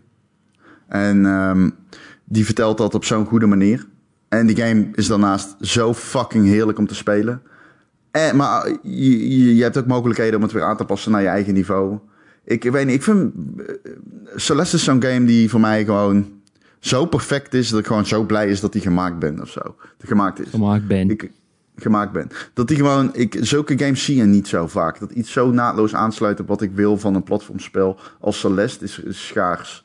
En eh, ik denk in de afgelopen vijf jaar dat deze game ehm, van al die platformgames die er in dat jaar zijn, hè, want de afgelopen vijf jaar hebben we natuurlijk veel platforming gezien. Dan denk ik dat ik deze het aller, allerbeste vind. Ja. Het, is, het laat volgens mij wel zien hoe ver games zijn gekomen. Ja, Qua, ja en hoe ver indie het- games zijn gekomen. ja, dat, Want Makes Games is nu natuurlijk een andere stu- studio met meer mensen en zo. Ja. Maar ook als je kijkt naar al het talent dat daar is uit voortgevloeid. En de, de muziek ook. En eh, die, die heeft ook zoveel prijzen gewonnen. En het is gewoon mooi om te zien dat, eh, dat we hier zijn gekomen.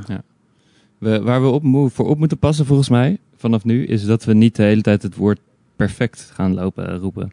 Dat is de afgelopen kwartier al een paar keer langsgekomen. Ehm maar ja, we komen bij steeds betere games aan, dus dat gevaar ligt er nu een beetje. Eh, Ja, het is moeilijk om te sowieso, eh, merk ik. Ik ga hoe ik games behandel, ga ik, hoe ik ze zie, ga reflecteer ik dan. Ja. En dat is natuurlijk niet de bedoeling uiteindelijk. Nee, wel. Dat mag. Wij zijn, jij bent, Dat je bent een mens wel, en je mag gehoord worden, Ron Forstemans. Oh, dankjewel. Maar het is natuurlijk ook zo. Dit is de lijst van gamer.nl en niet alleen die van Ron Vosterman. Ja. En omdat dit de lijst van Gamer.nl is, staat op 16 Spelunky. En die game heb ik nog nooit gespeeld. Ik ook niet. Oké, dan kunnen we weer door. Oké, Nee. dan gaan we door. Nee, ja, ik, maar ik weet dat iedereen die Spelunky heeft gespeeld ehm, crazy is voor deze, voor deze spel. En Ja. verder, ehm, ja, het, het, is, het, het is denk, ik ook zo'n game die, waar hadden het al even over bij Super Meat Boy. De nieuwe, de, de, de manier waarop ontwikkelaars met traditionele ehm, eh, genres pakten en daar nieuwe dingen mee gingen doen. En Spelunky is daar denk ik een goed voorbeeld van. En dat eh, het, het, leerde je, het leerde je echt gamen. Ja, En het einde bereiken was onmogelijk. Bijna. Ongekend hoeveel mensen die game eh lief hebben. Ja. Dat is echt een... eh, ook in de Game.nl redactie mensen zoals Thijs, die echt gewoon... Die kunnen niet ophouden met zeggen hoe goed die game is. Ja. Een game waarvoor we het woord eh, perfectie niet gaan gebruiken in ieder geval, eh, kan ik, durf ik wel te zeggen, is eh, Fortnite. Ja, Fortnite is natuurlijk gewoon een fenomeen. En, dat, dat rechtvaardigt een plekje in deze lijst. Ja, het Fortnite is, is de reden dat Epic alle andere games overboord heeft geflikkerd. Zoals Unreal Tournament. En ehm, ja, dat is eigenlijk helemaal niet relevant Het is de reden verhaal. dat ze een Fortnite Epic is gewoon- Game Store kunnen maken. gewoon. Ja, het is, het is denk het is een van de succesvolste games ooit. Het is Battle Royale. Het kopieerde letterlijk PUBG op dat moment toen het uitkwam. ja. Het, is, het is wel een van de mode. eh, het gaat daar, we hebben het hier vooral over Fortnite Battle Royale natuurlijk. Ehm, maar ja, wat ik schrijf, ja, iedereen, iedereen kent het. En dat is weinig games weggelegd ooit. Ik weet nog dat, ja. ik weet nog dat de Volkskrant, ik weet nog dat nu.nl en eh, andere grote media allemaal toen die Black Hole er was eh, twee maanden geleden of zo. Dat stond gewoon op de voorpagina's daar. Ja, ik, wat ja, gebeurt hier? Is dit eindelijk, zijn we nou eindelijk zover dat games zo groot zijn geworden dat, dat, dat het nationaal nieuws is als er, als er een in-game event gebeurt wat bedacht is door de ontwikkelaar? Ja, ik denk dat er heel veel ouders balend hebben. Oh, pardon. Dat er heel veel ouders balend hebben thuis gezeten omdat hun kind opeens uh, niks te doen had. Ja, het is een kracht uh, waar de maatschappij iets van merkt. Een game. Een fucking game. Ja, dat is toch bizar? Dat is bizar. En het is ook gewoon een goede game natuurlijk. Maar het is. Uh... Ja, ik weet nog dat ik hem dag één gespeeld heb. Dat die, uh, ik wilde. PUBG kon ik niet spelen, want ik had geen PC. En ik wilde wel een Battle Royale game meemaken. Ja. En Fortnite kreeg hem. En toen heb ik hem dag één gespeeld. En dacht ik, ah, het is wel oké. Okay. En, en uh, dat werd dit. En een paar jaar later weet iedereen wat het is. bizar. Op 14 een game uit Polen, dan denk je toch wel gauw aan ja, kleine gamepjes. Hè? Ja, maar The Witcher is van klein naar groot gegaan, toch? Uh, dat is een serie die zich langzaam heeft opgewerkt tot uh, wat bij The Witcher 3 uh, de beste game van het jaar toen was. Ja, het is nooit indie geweest of iets dergelijks. Nee. Maar The Witcher 1 was wel een vrij letterlijke vertaling van wat er na de boeken zou kunnen zijn gebeurd. En uh, de game was allerminst groot in opzet of zo, maar het wel een aardige following. Ook vanwege de boeken natuurlijk. En uh, ja, dat uh, toen uh, CG Project Red ja, wat meer volmachtig werd, zeg maar. En wat grotere buidels van, aan geld had om uit te graaien. Toen maakte het ja, misschien wel een van de beste open wereld games ooit gemaakt. Nou, dat misschien wel. Kun je wel weglaten, denk ik. Nou, ik zou Zelda Breath of the Wild hoger zetten persoonlijk, maar... Je bent niet de enige. Nee, naar onze lijst kijken. Nee, maar um, ja, ja, The Witcher. Iedereen, ik denk dat iedereen, uh, iedereen speelde het ook op een gegeven moment. En uh, terwijl, en heel veel mensen stapten ook pas in bij deel 3. Dat vind ik ook wel knap. En waren toch ja. helemaal uh, weg ervan. Ik weet een, een, een huisgenoot van mij gamede nooit. Toen, maar hij zei, ja, The Witcher 3, ik heb gehoord dat het wel oké is. Mag ik anders jouw PlayStation lenen? Nou, ik heb die PlayStation heb ik drie weken lang niet teruggezien, omdat hij gewoon er helemaal in zat. Terwijl die gast had twintig jaar niet gegamed of zo. En dat vind ik ook best wel knap, want dat geeft ook wel aan dat CJ CD Projekt Red een soort perfecte balans wist te slaan tussen de, de best wel hardcore RPG-liefhebbers en aan de andere kant gewoon mensen die van games houden of soms eens een spelletje spelen en zoiets hebben van ik wil gewoon een toffe wereld zien, een tof verhaal meemaken en ik wil iemand ik wil opgaan in die wereld. En uh, Wild Hunt deed dat. Ja, ik vind het ook heel knap hoe die game iedere quest, uh, uh, zeg maar, ja, aanvult met schrijfwerk. Wat, wat het doet aanvullen als een volwaardige verhalende quest. En dat je eigenlijk nooit iets aan het doen bent in die game. Bijna nooit iets aan het doen bent in die game dat zinloos voelt. En dat je altijd het gevoel hebt dat je echt een door, met ja, verhaal doorspekte opdracht aan het verrichten bent. Je zou bijna het woord Ubisoft willen noemen hier. Bijna. Van, misschien moeten ze daar eens naar kijken. Ja, ja, ja. Nou, misschien wel. Oké, op 13 is nog zo'n hele grote, mooie open wereld. En uh, uh, mede door die grote open wereld staat hij ook op deze plek. Uh, Red Dead Redemption 2. Ja, dat... dit is een game die misschien polariseert. Omdat mensen niet het geduld hebben om te wachten op iemand die 30 seconden doet over het slachten van een koe. Bij wijze van. Ja, Hè? maar... Alleen um, als je het hebt over uh, games als medium en waar ze zijn... Uh, tot wat ze kunnen ons, on, tot wat ze kunnen worden, dan heb je in Red Dead Redemption 2 ja, een soort van, ik weet niet, technisch magnum opus of zo. Ja, Dit is het dichtstbijzijnde wat een open wereld ooit komt bij een echt daadwerkelijke wereld.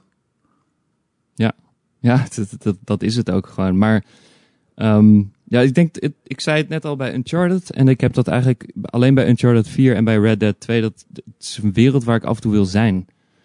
Omdat het zo mooi is ten eerste, maar ook omdat het, het klopt allemaal. En uh, het, het, het, had ook een lege wereld kunnen zijn, maar het leeft echt. De, de natuur is er, de, de dieren die lopen rond. En ze voelen niet dat ze er zijn voor jou, maar ze zijn er gewoon. Ja. Um, maar de game is veel meer dan alleen die wereld. Want ik, ik vond Arthur Morgan, uh, en dat, heeft, ja. dat is alleen maar omdat hij dezelfde naam heeft, voornaam heeft als ik. Nee, ik vond Arthur Morgan vond ik een van de beste protagonisten ooit in een game. Simpelweg omdat hij echt een literaire, zoals in de beste literatuur, een ontwikkeling doormaakt. Uh, ja. Zonder dat het goedkoop voelde. En wat bij heel veel games het geval kan zijn. Het was echt een, een mens. En ehm, dat had ik meer dan bij Red Dead Redemption 1 ook. Nou, ik vond ook de epiloog heel jammer bij Red Dead Redemption 2, want die duurde veel te lang ten eerste. En het voelde weer een beetje als een stap terug of zo. Maar ehm, ja, Arthur Morgan, love him. En uh, verder werk je wel bij Red Dead Redemption 2, denk ik dat Rockstar toch wel een keer moet gaan vernieuwen in zijn, uh, in zijn missies opzet en weet ik wat. Een beetje ja. zoals Uncharted 4 de laatste Uncharted moest zijn, moet Red Dead Redemption 2 denk ik de laatste GTA-type missie-game zijn van Rockstar. En moeten ze daarin wel een beetje gaan innoveren. Maar verder was dit gewoon perfect voor mij. Ja, ja, helemaal mee eens. Ik weet niet of het te veel gevraagd is, want ik gok dat de volgende game van Rockstar open wereld wordt. Maar... Nou, open wereld is niet erg, maar meer van juist die vrijheid, dat vloekt een beetje met de missies die je eigenlijk maar op één manier soms kan doen. Nee, ik snap het. Ja, nou ja, goed, ik weet niet. Ja, de, de GTA was er altijd iets beter in, denk ik. Um, ja. Maar goed. Uh, op 13, 12, pardon. Uh, over mannen met een baard gesproken die acht uur heten. God of War. Ja, dat is een uh, game. Dat is een game. Heb je hem gespeeld? Ja, ik uh, niet. Het is een van mijn. Ik heb hem niet uitgespeeld. Het is denk ik mijn favoriete Sony prestige titel die ze ooit hebben gemaakt. Los van de Last of Us natuurlijk. Ja. Um, dit is echt zo'n weergeloos, groots opgezette AAA titelavontuur dat ik altijd als ik aan deze game denk, dan denk ik aan hoeveel bizarre dialoog, hoe bizar veel dialoog erin zit, maar hoeveel daarvan memorabel is. En dat voor een game die. Ja, God of War is. God of War is inderdaad een totaal emotioneel loos product altijd. Een, een, een, een, een titel die draait om wraak nemen. Krijgt een soort van deadification en het wordt een, uh, een, uh, een, een echt. Ja, ik weet niet. Het wordt een gewoon bijna een soort van verhalende game. Die gegoten is in geweldige actie, een spectaculaire omgeving en super interessante personages. En dan ook nog eens ook echt fantastisch wegspeelt als een actiegame met lekkere, lichte RPG-invloeden die een diepgaand combat systeem niet in de weg staan. Um, ja, best wel markant dat zo'n game bestaat, vind ik dan. En um, des te markant, markanter eigenlijk dat hij bijna feilloos is. Eens. Nummer 11. Super Mario Odyssey. Ja, en uh, ja. ja. Ik, ik, ik, volgens mij, we, ik weet niet meer... Hier kunnen we wel gewoon heel kort over ja, zijn, denk ik. ik, toch? schreef het volgens mij, ik weet niet meer bij welke game ik het schreef in de lijst. Het ging over een andere Mario game, maar je, ik vind het zo bizar dat je weet dat als het een Mario, een main Mario game is, dat het gewoon goed is. En het niet alleen goed, dat het meteen grenzen verlegt. En Super Mario Odyssey, Odyssey deed dat ook weer. Telkens Ja. als er een nieuwe Super Mario game uitkomt, los van eh, ooit Sunshine misschien, weet je dat het eigenlijk misschien wel gewoon de beste platformer ooit is. En voor Odyssey geldt God dat weer. Het is gewoon hoe- bizar hoe creatief Nintendo is en eh, aan wat voor quality control zij doen. En hoe ze met Ja. van een fucking loodgieter de bekendste game mascotte ooit hebben gemaakt. Maar dat terzijde. Ja. Ja. Dan zijn we bij de nummer 10 en dit is de top 10. De. Dus dit is wel een dingetje. De 10 beste games, eh Arthur. Ja. Godverdomme, man. En hier is verrassend weinig discussie over geweest eh, op de redactie. Vind ik. Nou ja, vond ik ook wel. Ik, eh, de, de nummer 1 is niet per se iets waarvan ik zou zeggen, vind ik de beste. Maar ik, ik, ben, ik bedoel, ik, ik, ik, ik zei dat toen ook al. Ik ga er geen heel probleem van maken. Nee. Maar de nummer Nee. 10 eh, is, is Mass Effect 2.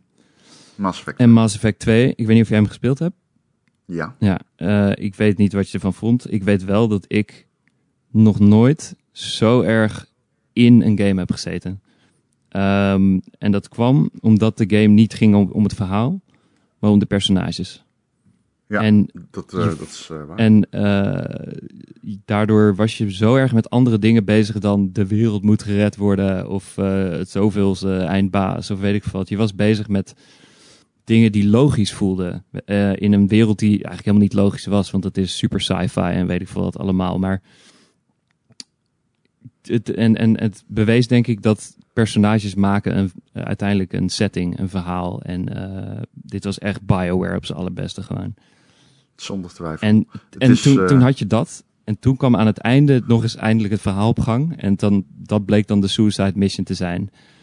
Wat in mijn ogen eh, het beste einde is van een eh eindspektakelstuk aan het einde van een game ooit ongeveer.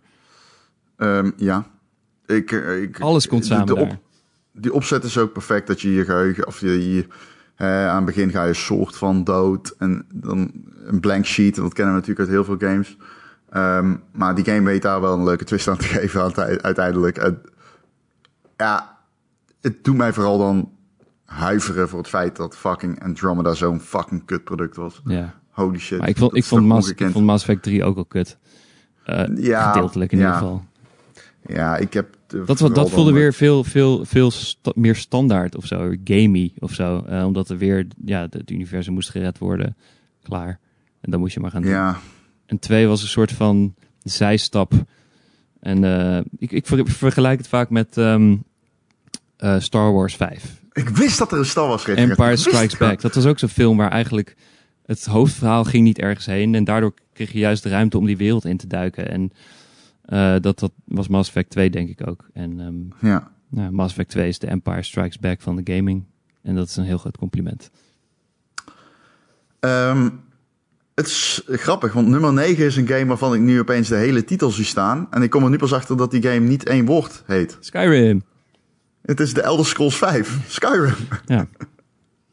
Eh, ja, ehm, dit is misschien wel de belangrijkste open wereld game ooit gemaakt. Omdat deze game heeft eh, gamers toen inzien dat open werelden plekken zijn waarin je kan verdwalen.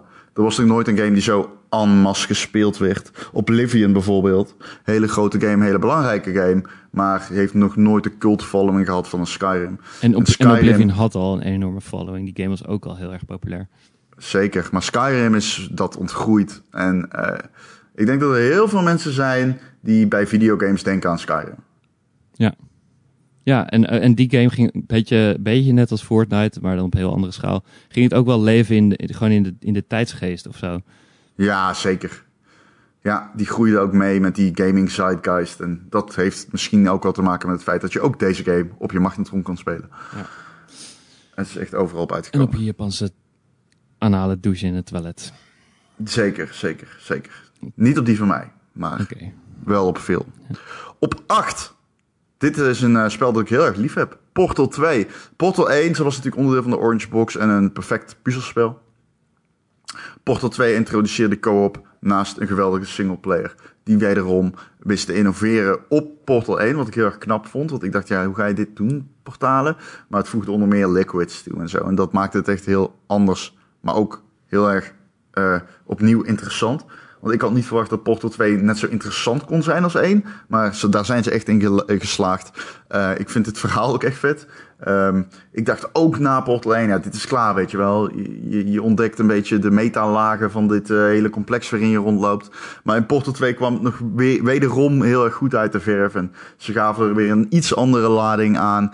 Ehm, en het is zo'n belangrijke puzzelgame geweest. eh, omdat het ehm, op omdat het echt, dat deed Portal 1 natuurlijk ook al, maar het combineerde echt verhaal en, ehm, en een concept als een puzzel tot een naadloos geheel. En het is gewoon, het gebeurt niet vaak dat genres op zo'n manier samensmelten. En het dan ook meteen bijna onmogelijk maakt voor concurrenten om hetzelfde te gaan doen. Omdat je dan meteen denkt, ja, maar dit is al beter gedaan. Ja, en eh, wat ik ook schreef, ik, het, is, het bewees eigenlijk hoe jammer het is dat Valve niet meer echt een gameontwikkelaar is.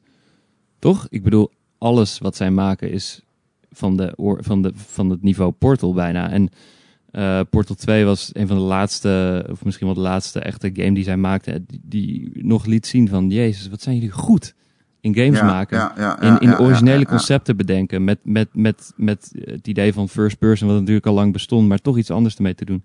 En eh, gewoon iets perfects af te leveren. En ik schreef eerst van, eh, dit, is, dit is een soort, dit is de bitterzoete herinnering aan de tijd dat Valve nog games, überhaupt nog games maakte. Maar dat is, nu hebben ze net eh, die VR-game aangekondigd van Half-Life.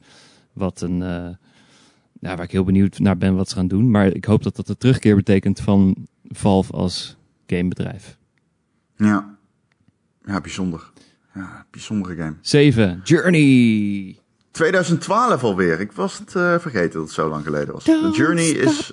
Ja, die bedoel ik. wat een goed nummer ook. Ja. Verschrikkelijk.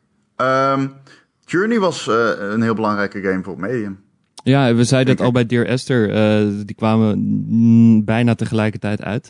Heel andere games, maar met hetzelfde effect. En dat is dat eh, gameplay opeens een heel eh, nieuwe invulling kreeg. Vooral omdat er geen gameplay in zijn traditionele vorm was. En daardoor Nee. alle focus werd gelegd op ehm, de ervaring eromheen. Journey Ja, was mooi, is- Journey was prachtig. En dat was het ook gewoon. Je, Journey, je moest, je moest daarop focussen, want dat was letterlijk. Je werd niet afgeleid door domme opdrachten. Je moest tot je nemen. Je moest met je bek open naar het scherm staren. Simpelweg omdat dat was waar Journey voor was gemaakt. ja, ik hoef hier niks aan toe te voegen. Ik wilde er iets aan toevoegen, maar dat is niet nodig, want je hebt helemaal gelijk. Nou, dankjewel. Eh Op zes. ja, Bloodborne. Ik eh, heb hier niet zoveel over te zeggen. Maar jij ik wel. kan best wel hierover zeggen dat From Software een... From Software, daarvan kun je zeggen, eh, ga alsjeblieft iets anders doen.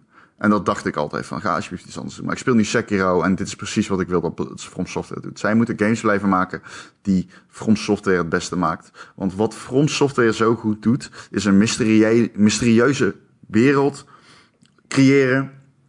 En je daarin het gevoel geven dat je op avontuur gaat. En dat avontuur dat intrigeert niet alleen vanwege de, eh, het verhaal eromheen, vanwege de omgeving, maar ook omdat om ieder hoekje gevaar lonkt. Dus het zorgt er gewoon voor dat je met knillende knikkende knieën echt op verkenning gaat. Ehm, en Bloodborne is daarnaast een game die gewoon bijna niet uit te leggen is. Het is een beetje, en dat heeft de maker ook zo ehm, eh, willen maken. Het voelt een beetje alsof je. Hij zei: Ik wil dat games zijn. Voor mij moeten dat gevoel opwerpen van als ik een vroeger als kind, een, als Japans kind, een sprookjesboek las in het Engels en dat ik het niet begreep, maar net genoeg begreep om te weten dat het intrigerend was. Ja. En dat is precies het gevoel dat Bloodborne opwerpt. En er zijn zo weinig games die daar echt goed in slagen. En het is echt, ja, ik weet niet. Het, ik, ik, je moet het echt, echt spelen om te snappen wat ik daarmee bedoel. Maar er zitten bijvoorbeeld standbeelden in de game en die zijn allemaal geblinddoekt. En ik heb, ik, ik heb de hele game lang gehad van, waarom is dat toch? En ik heb die game nooit uitgespeeld, maar nog steeds wil ik hem uitspelen om te weten of dat iets van betekenis heeft. En dat zijn van die dingen, ja, dat is gewoon niet voor andere games weggelegd om zich daar zo op te focussen. Omdat je van een From Software game verwacht je het, maar daarvoor, voor Dark Souls, voor Bloodborne, kon je dat gewoon niet doen, omdat het gewoon niet geaccepteerd werd. Hier heb ik dan weer niks aan toe te voegen. Ja, nou mooi. Ik ben heel benieuwd of jij eh, de, eh, nummer 5, Nier Automata, gespeeld hebt. Een van mijn favoriete games ooit gemaakt. Dan mag jij hier deze ook even uitleggen. Want Nier is voor mij altijd een ding geweest. Ik wil het heel graag spelen, maar op de een of andere manier ben ik er nooit aan toegekomen. Ik ga niet veel over deze game zeggen, behalve dit. Ehm, sommige games die zetten je aan het denken over... Wow, kunnen robots ook leven? En moeten we ze misschien zien als levende individuen? En heb je games die aan het nadenken zet over... Wow, zijn robots robots? En hebben ze het vermogen om een robot te zijn op het moment dat ze nadenken en als ze zelfbewustzijn kunnen creëren? Hebben ze dan iets gecreëerd wat leven is? Of vol bestaat uit de dimensie van het robot zijn? En voordat je het weet zit je op Google en ben je log aan het lezen over Nier Automata Hm. tot 8 uur 's ochtends. Dat is prachtig. Het is los van de gameplay, los van...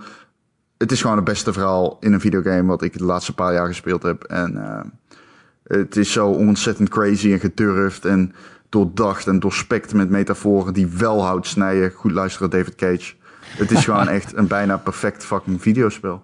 En ik weet dat ik van jou niet mag zeggen dat het perfect is, maar ik doe het toch. Nee, dat is, het is voor bepaalde games mag dat. En, ehm, eh, voor, maar ik ben bang dat ik het namelijk voor de volgende game ook ga zeggen. En dat is eh, GTA 5. Ja, maar eh, die is juist imperfect en daarin schuilt iets heel erg moois, vind ik. Wat is er imperfect? Want GTA 5 is toch de perfecte GTA? Ja, maar dat zeker waar. Maar het is ook buggy en het is ook fucking Buggy? dat je cheaters online hebt. En tuurlijk, dat heb je allemaal. En de physics zijn af en toe onberekenbaar. In die zin is het niet perfect. Maar het is gewoon chaos al om. En als je het omarmt online, hè, dan, dan, eh, dan, dan is het tijdloos. En dat is wat die game ook bewijst. Die game komt uit 2013. Dit is echt een gift that keeps on giving gewoon. Game staat voor die nog uitgever. steeds in de top 10 het best verkochte games zes jaar later. Het is echt bizar. Het is krankzinnig, maar het is fucking krankzinnig dat deze game dat bewerkstelligd heeft.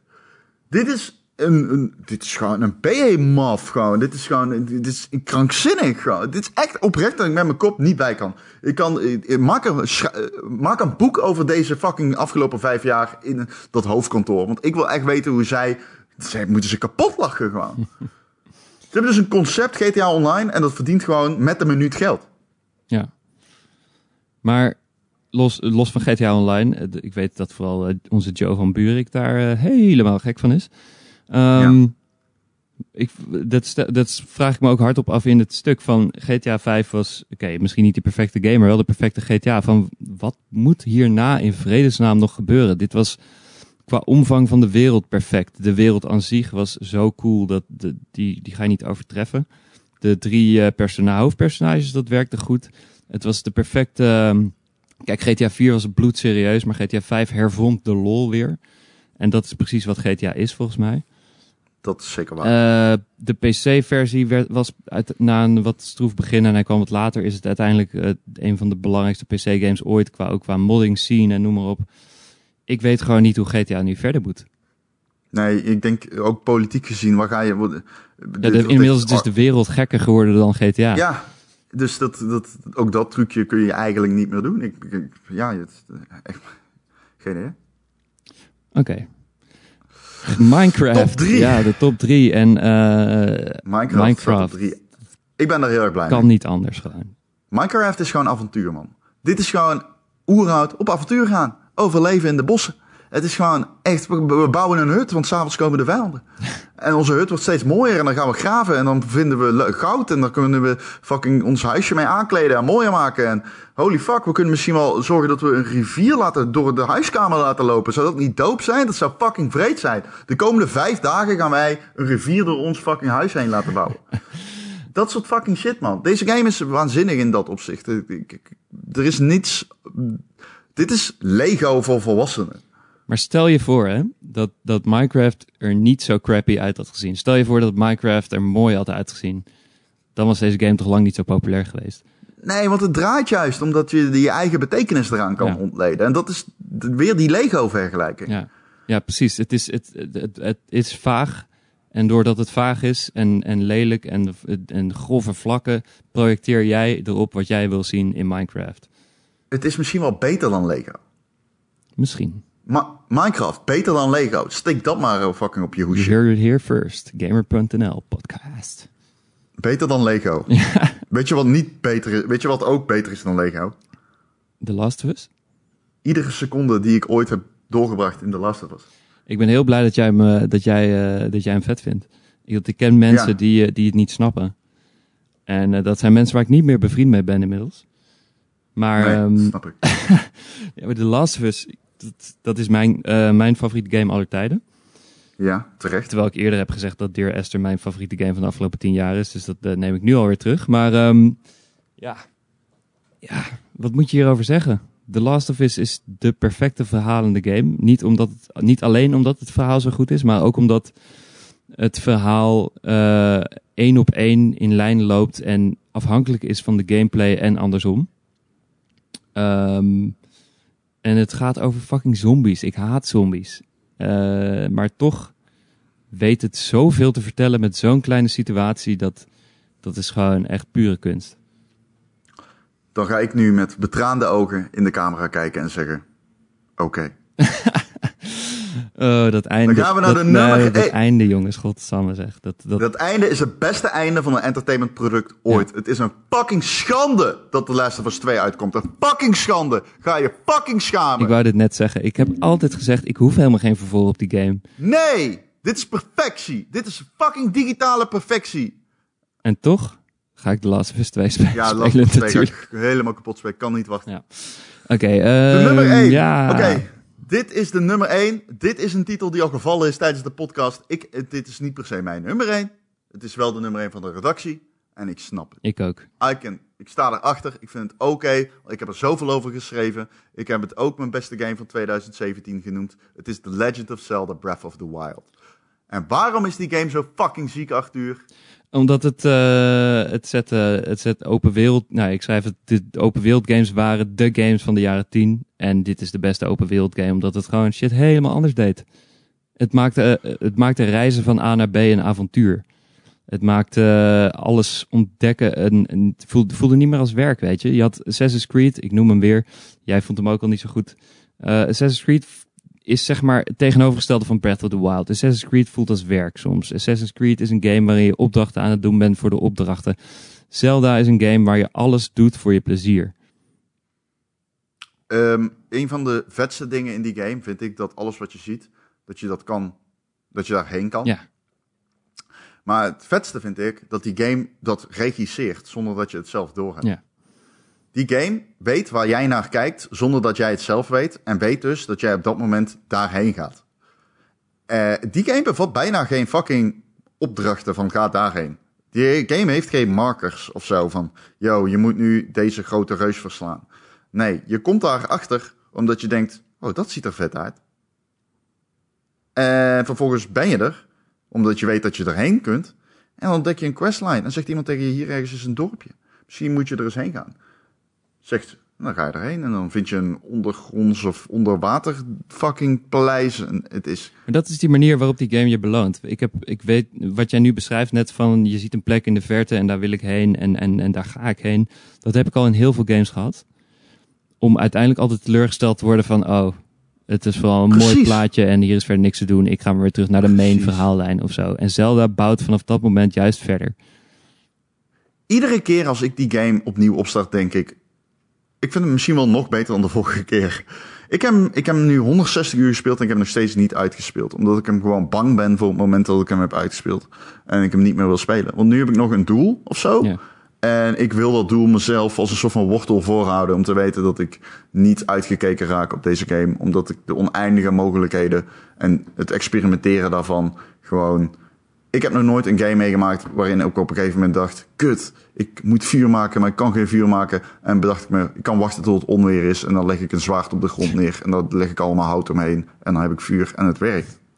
Ja, dat is prachtig. Maar het, en, het mooie is denk ik ook, want ik weet nog, de eerste, aller, aller, allereerste Legend of Zelda, eh, Miyamoto, die zei toen van, dat was zijn manier om een game te maken van het idee hoe hij de wereld vroeger ontdekte als kind.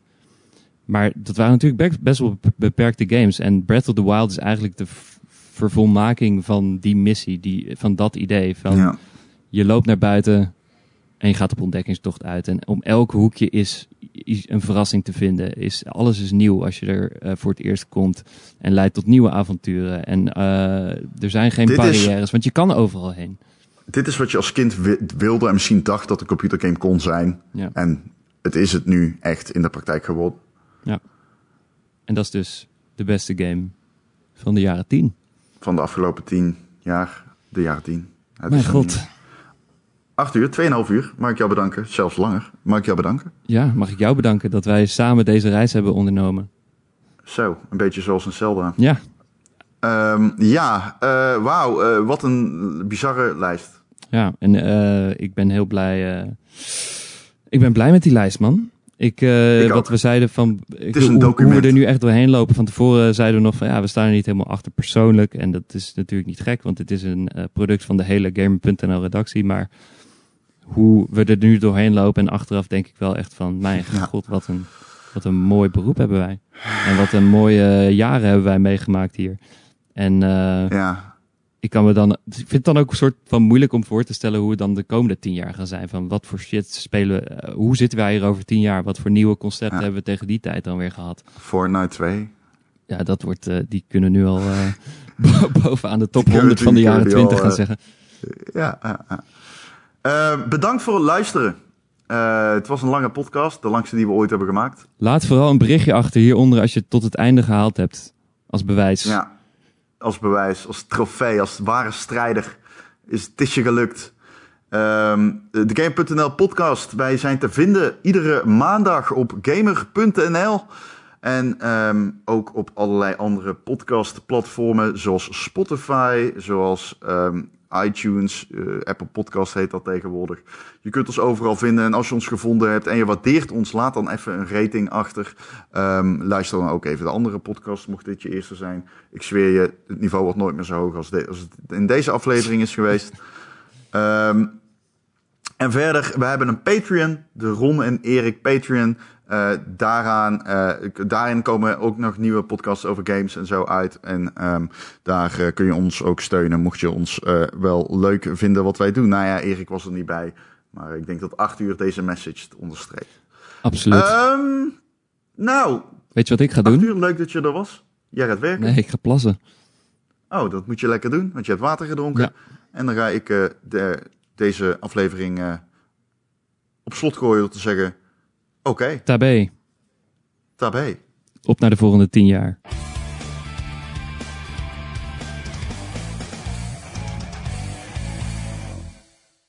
Moet je voor hoi zeggen tegen Gijs. Hey Gijs, what's up? Tijd niet gezien, man. Ik hoorde dat je een baard had tegenwoordig. Ziet er goed uit. Oké, mooi. Goed zo, Gijs. Baden zijn goed.